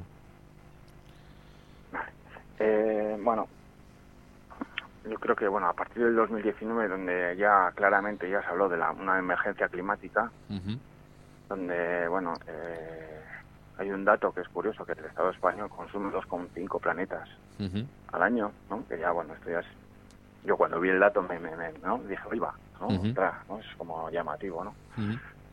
Y, y luego encima en los rurales estamos todo el rato moviéndonos en coche, estamos eh, eh, por circunstancias ¿no? Eh, económicas y, de- y demás, económicas y demás, pues estamos, tenemos que coger el coche. Entonces, eh, esos coches yo creo que, ¿no? pues hay un dato que de los 29 millones de vehículos que, que circulan a diario en el país, ¿no? El 78% va solamente una persona, ¿no? Yo creo que, que, que hay que optimizar.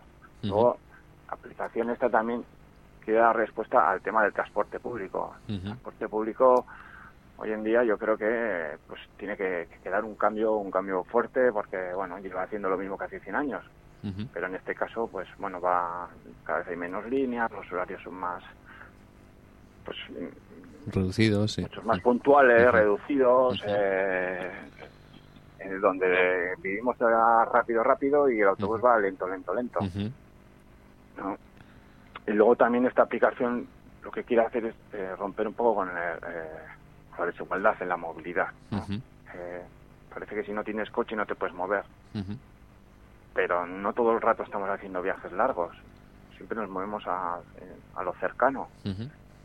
Y luego hay una parte también, ahí, pues, que son las mujeres mayores de, de 60 años que por circunstancias ¿no? de, de- de nuestra historia pasada no pues, pues no han tenido opción a, a- a tener ¿no? a- acceso a, a carnet de conducir y demás. ¿no? Entonces, desde una forma sencilla, esto no es la solución, pero sí que lo que hace es, pues bueno, pues eh, echar una mano, ¿no? O, o de una manera más rápida, ¿no? Pues el que la gente pueda ponerse en contacto, pues, pues para, para compartir Ujú. eh, coche. Y bueno, eso es un poco... Pues eh, Pachi, eh, te agradecemos el primer lugar el que hayas eh, puesto en marcha este tipo de aplicación porque es una iniciativa muy interesante y además que lo hayas puesto en manos aquí de GU Pirineo para que en el Pirineo también podamos disfrutar de, de este servicio y agradecerte también este tiempo que nos has eh, dedicado hoy a- en Irati Rati a explicarnos cómo, cuál es su funcionamiento y cuál es su objetivo, que también es muy interesante desde el punto de vista de que debemos cuidar también nuestro entorno. Un abrazo, Pachi, y mi esker. Vale, muchas gracias, Nico. Venga, Agur. Vale, bueno, bueno, con tu, con eh?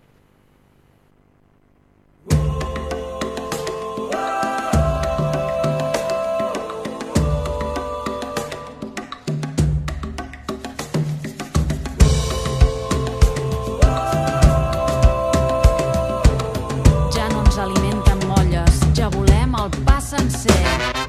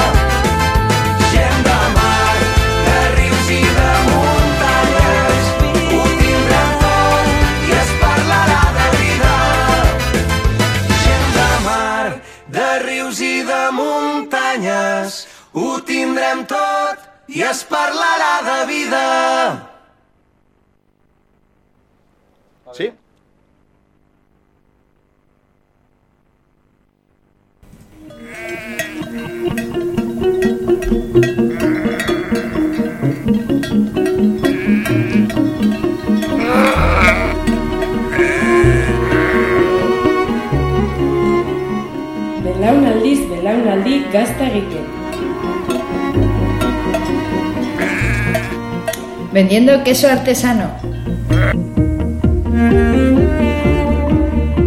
Orbaizetako holan bizitzen. Apostando por la oveja lacha. Kontsumitzaileekin harreman zuzena mantentzen. Eta horrela jarraitzeko asmoz. Lorentxoina gazta. 948-766084 Orbaizetako hola. Aizue, eta landa etxea? Arrano pola! Egia da hori! Urkulu landatxea. Urkulu etxea abildua gmail.com Bertan egun goxo batzuk pasatzeko tokia.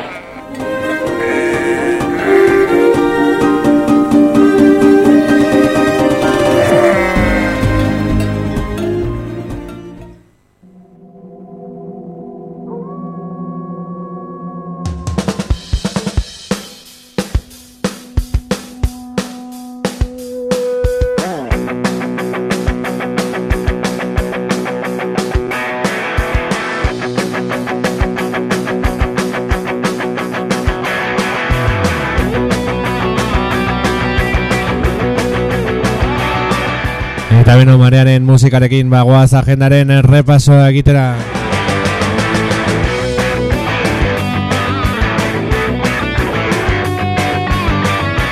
Eta errepasoa goitzen hasiko dugu. Erakusketa bat izanen baitugu agoitzeko areto nagusian ostiral honetatik aurrera eta urtarrilaren hogeita marra bitarte. Ezkabako iesaren ingurukoa agoitzeko areto nagusian. Mila beratzen da hogeita emezortziko maiatzaren hogeita bian ezkabameniko San Cristobal gotorlekuko zortzerun presok inguruk inguru Espainia osotik elka ekarriak ies egin zuten Frantziako helmuga zerkatzen saiatzeko. Demora luze zisalia ilunantzan gelitu zen haidek ikerlariek eta memoriako elkartek azaleratu arte. Europako iesaldi handienetariko bat izan zen, berrunda sei ieslari erailda izan ziren eta gotorlekuaren eta mugaren arteko zenbait menditan eta tokitan. Hori ez gain, amalau ieslari fusilatu zituzten geroago iesaliaren buruzakiek leporatuta Laro bi urte pasa dira, San Cristobal gotorleko iesalitik eta Nafarroko gobernuak bultzatzen arien memoria politika publikoen artean ekarpen esango egin nahi izan du gerta horien oroitzapeneko eta memoria babesteko. Hoi da, ezkaba proiektuan gerta horiek gogorazten dituzten ekimen batzuk biltzen dira erakusketa honetan. Eta ba, goitzen ere kulturetxean e, lanun ba, igandean barkatu arratsaldeko seietan e, Raúl de la Fuente eren El Infierno eta Iker Estibarlandaren Before I Die zine dokumentalak agoitzeko kulturetxean aurretiaz ordu bete lehenago irekiko dira lehiatilak sartzeko.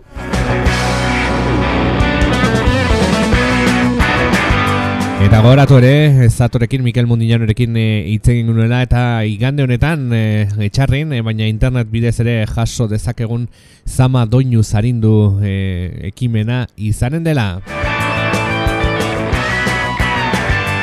Eta beno, gogoratu ere azken astea duzutela, irati irratiko zozketa eta zozketarako tiketak edo boletoak erosteko datorren astelenean eginen baitugu bertako ze, zea, e, zozketa. Sobre vender los perdigones, te cuento las pecas, reparto manteca y colchones a los mesías que vienen a ver. Como me canso de vestir los corazones y cada plazuela me cambia la piel por cartones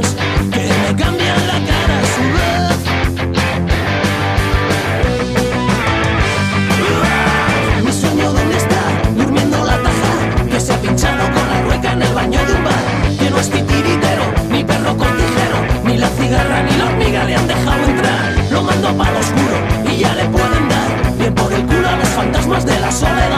Me bastan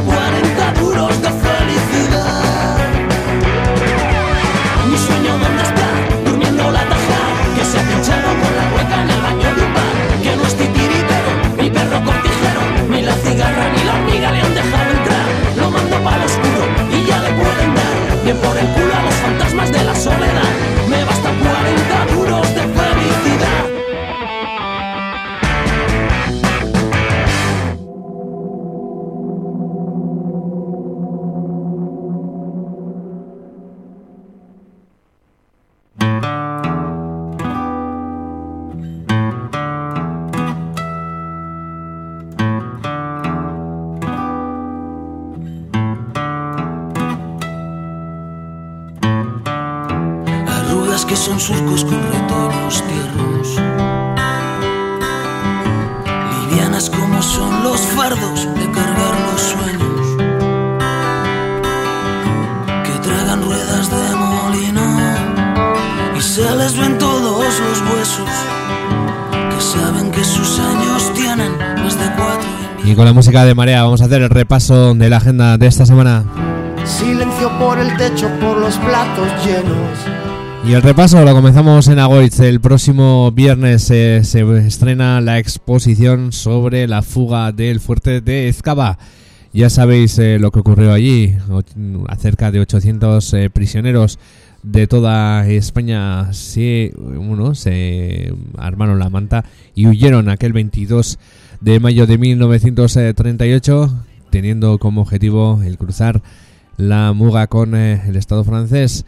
En este eh, en esta fuga ya sabemos que son eh, fueron asesinados eh, 206 eh, fugados y aparte 14 fueron fusilados pues, eh, después como cabecillas de esa fuga.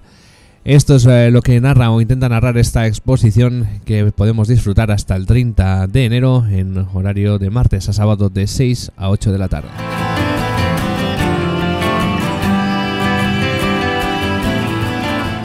Y cine documental el domingo en Agoitz a partir de las 6 de la tarde. Ahí podremos eh, disfrutar de las eh, obras de Raúl de la Fuente que se titula En el infierno y Iker Steve Barlanda que se titula Before, Before I Die.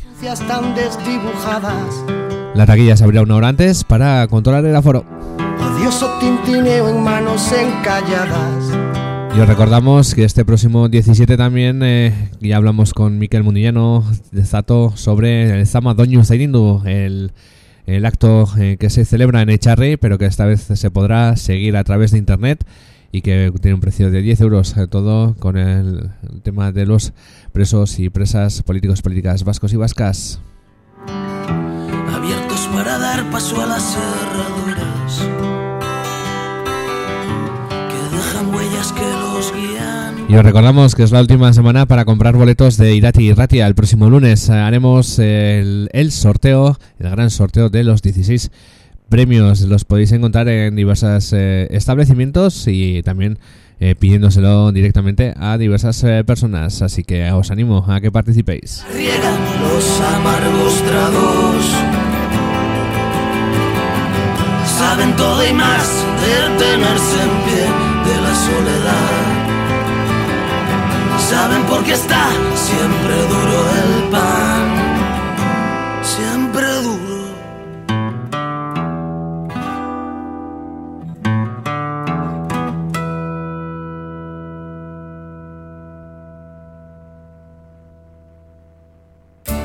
carneekologikanavarra.com Bertatik bertara bizi nahi dugulako. Txala, arkumea, moxala, dena ekologikoa. Porque queremos ser parte de nuestro entorno. Gure mendietan azitako, aragi ekologiko loteak. Bertatik bertara bizi nahi dugulako. Zure lotea, ariben bertan salgai. Porque queremos ser parte de nuestro entorno.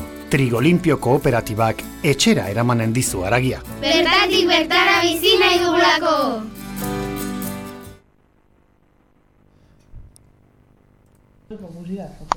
Iratirratian zorion agurra! Eta ben orain eh, zoen momentua aldu da norbait zorion du. Nahi balin baduzu do kantaren bat eskatu bi modu dituzue bata deituz bederatzi lau zortzi zazpi sei lau lau zortzi laura edo batxa bidez egin ditzazkezu eskariak.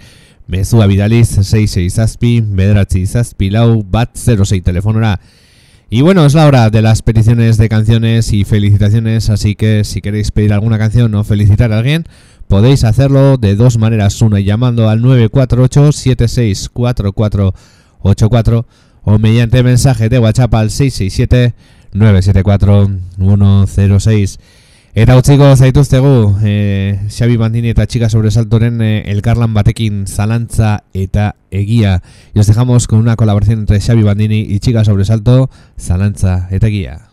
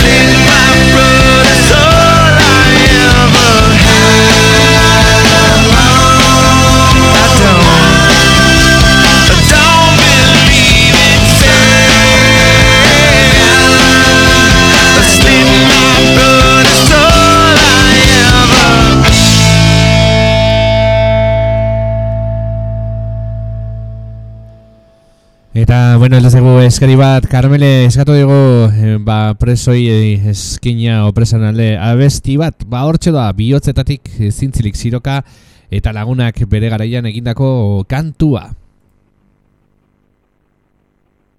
Ezabatzen zaituztete, azteko makurtzeko, debekatuz, isolatuz, herria beldurtzeko, gu pres gaude distantzia, musuka laburtzeko. Gu pres gaude besarkadaz, kateak apurtzeko, gu pres gaude barroteak, laztanekin urtzeko. Sufrimendua argazki hori bat bihurtzeko. Sufrimendua argazki hori bat bihurtzeko.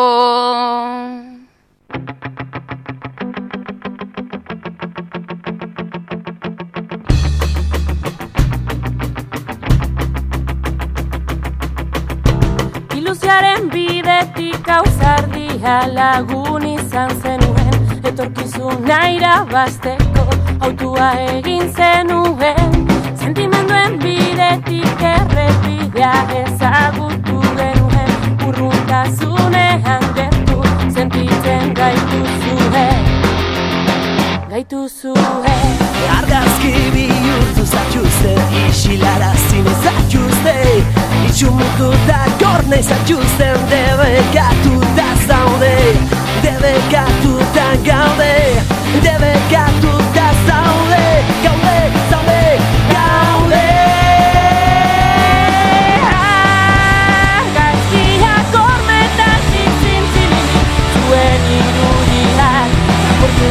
Arte Gure artean jarraitzen duzu bizirik Gure rilotzetatik Gure rilotzetatik Zintzilik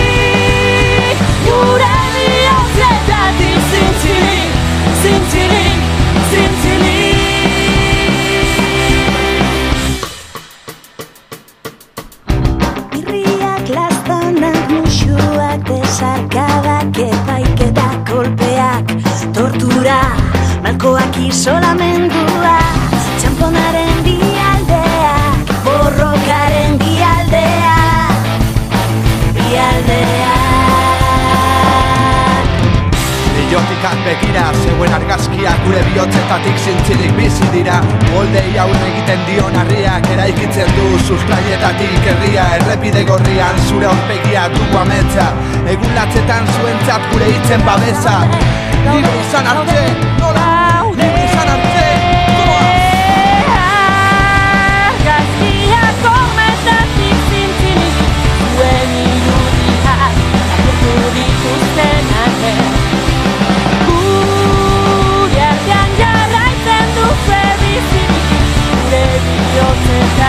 Ez izan Gure bihotzetatik zintzilik Ez izan Gure bihotzetatik zintzilik Gure bihotzaren taupadak entzun ditut bakarrik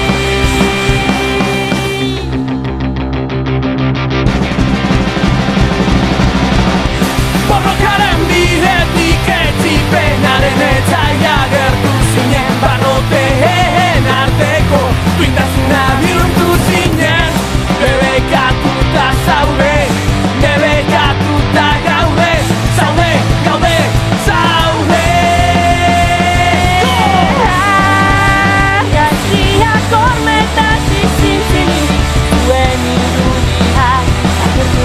dituzten arre Lapurtu dituzten arre Gure artean jarraitzen duzu bizirik. Gure bihotzetatik, gure bihotzetatik zintzilik Gure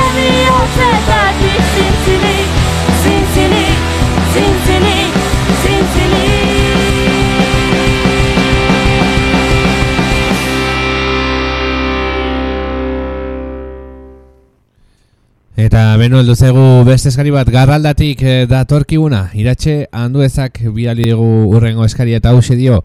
Egun honeneko abesti hau eskatu nahiko nukez zuretako, egun ederrenendako eta entzule guztiendako ongi hasi astea musu. Eta eskatu diguna da Andreina Jolinen eh, de que callada manera.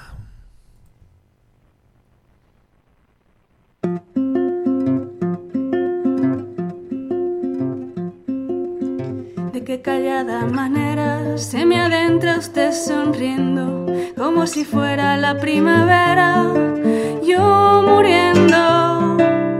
Y de qué modo sutil me derramo en la camisa todas las flores de abril. ¿Quién le dijo que yo fuera risa siempre, nunca llanto? Como si fuera la primavera, no soy tanto. Cambio que espiritual que usted me brinde una rosa de su rosal principal. De qué callada manera se me adentra usted sonriendo, como si fuera la primavera, yo muriendo, yo muriendo. De qué callada manera se me adentra usted sonriendo, como si fuera la primavera, yo muriendo,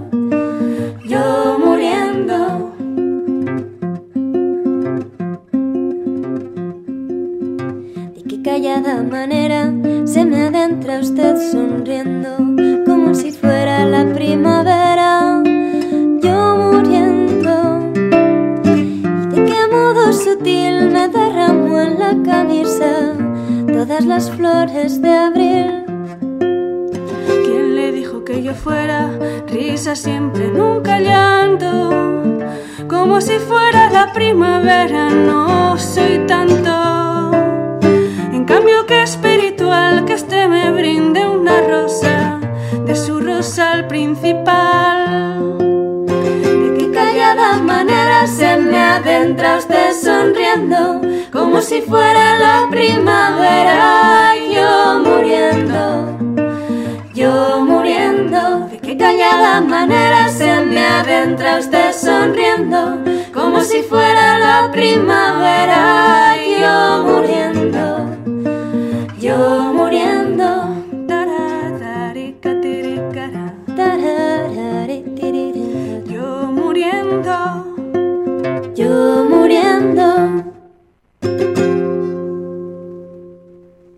Eta beste eskari bat eh, Carmelek eh, bideratu diguna eh, Javi eta Sarari eskola tabernakoei eh, buen eh, menú edo, bueno, buen provecho eh, kantoa eskatu dugu songi sukaldatzen dute eta ba, hortxe beraientzat Javi eta Sara eh, ongi etorriak gure zonalde derronetara naiz eta berandu izan eta mila esker egiten duzuen eh, lanagatik zuentzako buen menú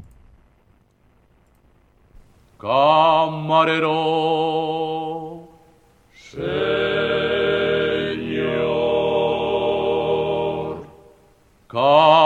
Camarero, señor. ¿Qué hay para hoy, señor? Un buen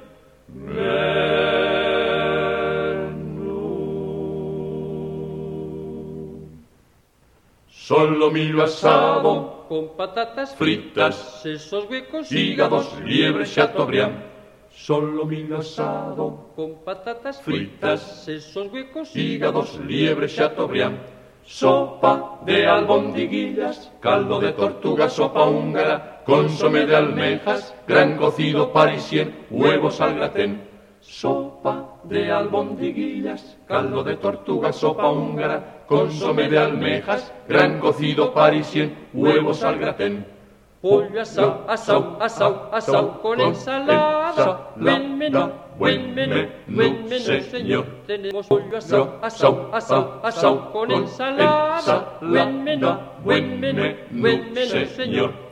frescos calamares, sollo, pescadillas fritas, salmonetes, salmos, bacalao a la vizcaína, tú, besugo, almejas, truchas, sábalo, langosta, al americana, y faisán relleno, pau, asau, asau, asau, asau, asau, asau, asau, asau, asau. Pau, asau, asau, asau, asau, con ensalada, buen menú, buen menú, buen menú, señor. Tenemos pavo asado, asado, asado, asado con ensalada. Buen menú, buen menú, buen menú, señor. Frito de espinacas, Berenjenas fritas, habichuelas frijoles y tortilla al ron. Frito de espinacas, berenjenas fritas, habichuelas frijoles y tortilla al ron. Crema, tocino de cielo, mazapán, natilla, hojaldre, flan, chispán, flan de avellanas, frutas, queso, roquefort y también gruyère. Crema, tocino de cielo, mazapán, natilla, hojaldre, flan, chispán, flan de avellanas, frutas, queso, roquefort y también gruyère. Y después, Y después, buen helado, buen helado y café, y café, buen provecho le haga usted. Buen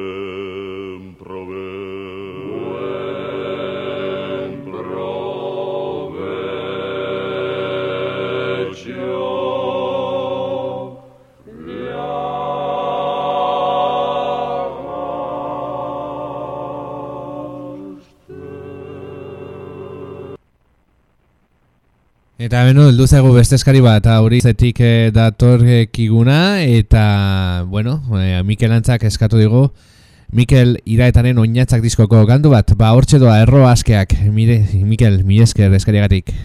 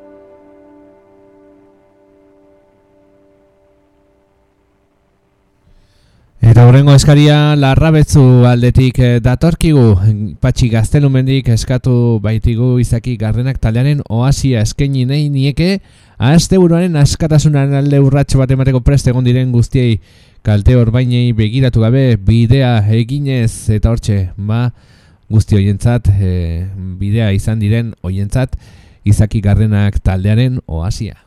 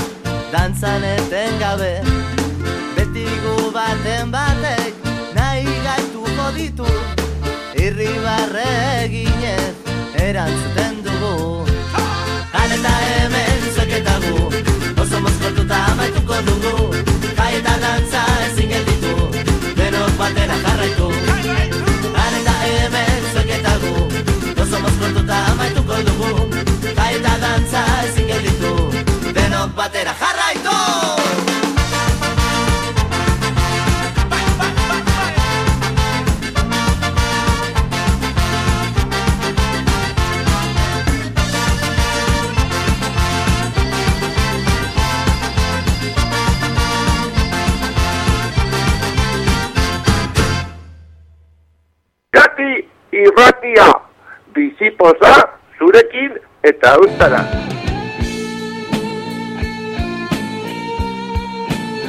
Talleres Urrutia, kotxe eta nekazaritzako makineriaren mekanika eta mantentzea. Talleres Urrutia, bederatzi lau zortzi, zazpi sei, zortzi zero, amabi. Talleres.urrutia, abildua hotmail.es Ekarri zure kotxea! Talleres Urrutia, mecánica y mantenimiento de coches y maquinaria agrícola. Talleres Urrutia, en Erro, 948 76 80 12. Talleres.urrutia arroba hotmail.es. Tráenos tu coche.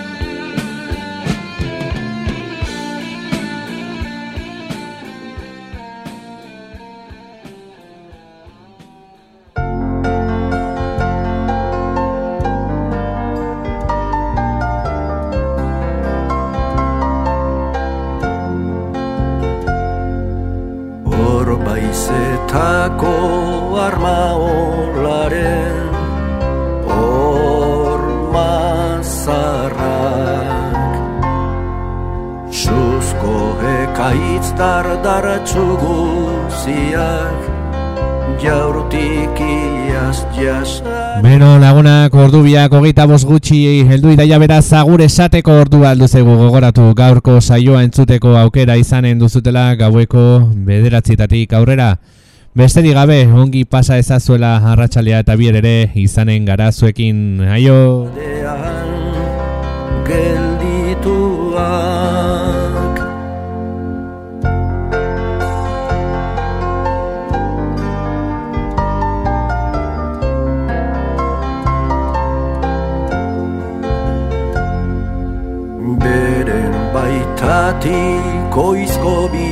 Y bueno, estimados y estimadas oyentes, eh, son las eh, 2 menos 25 y es hora de ir despidiéndonos por hoy, no sin antes eh, recordaros que el programa de hoy lo podréis escuchar de nuevo a partir de las eh, 9 de la noche.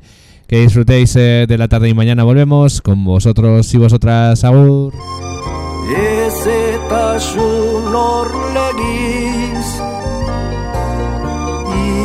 Itzala jauntziaz Eta uraren murmurio zoroak Antxe du aurkitzen Oi hartzunaren lilura.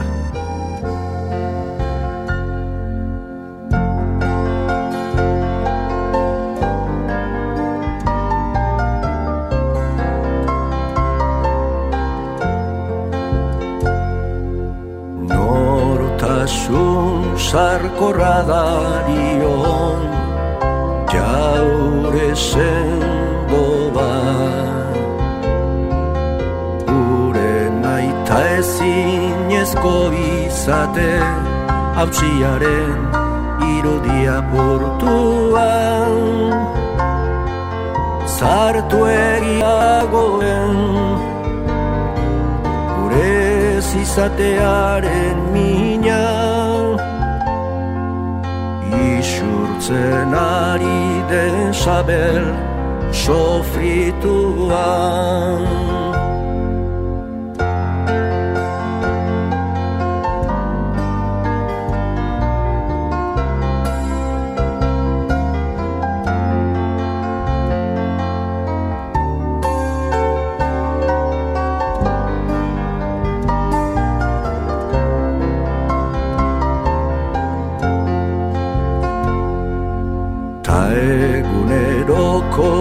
bakardadean Isil-isilean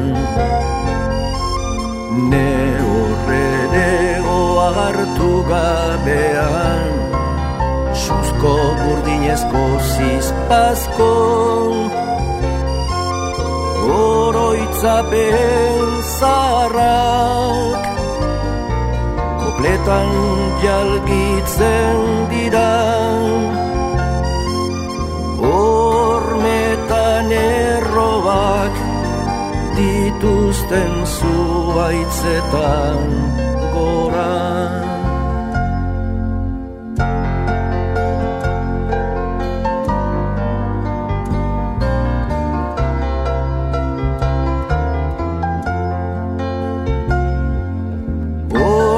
Oroitzapen zaharrak Kopletan jalgitzen dira.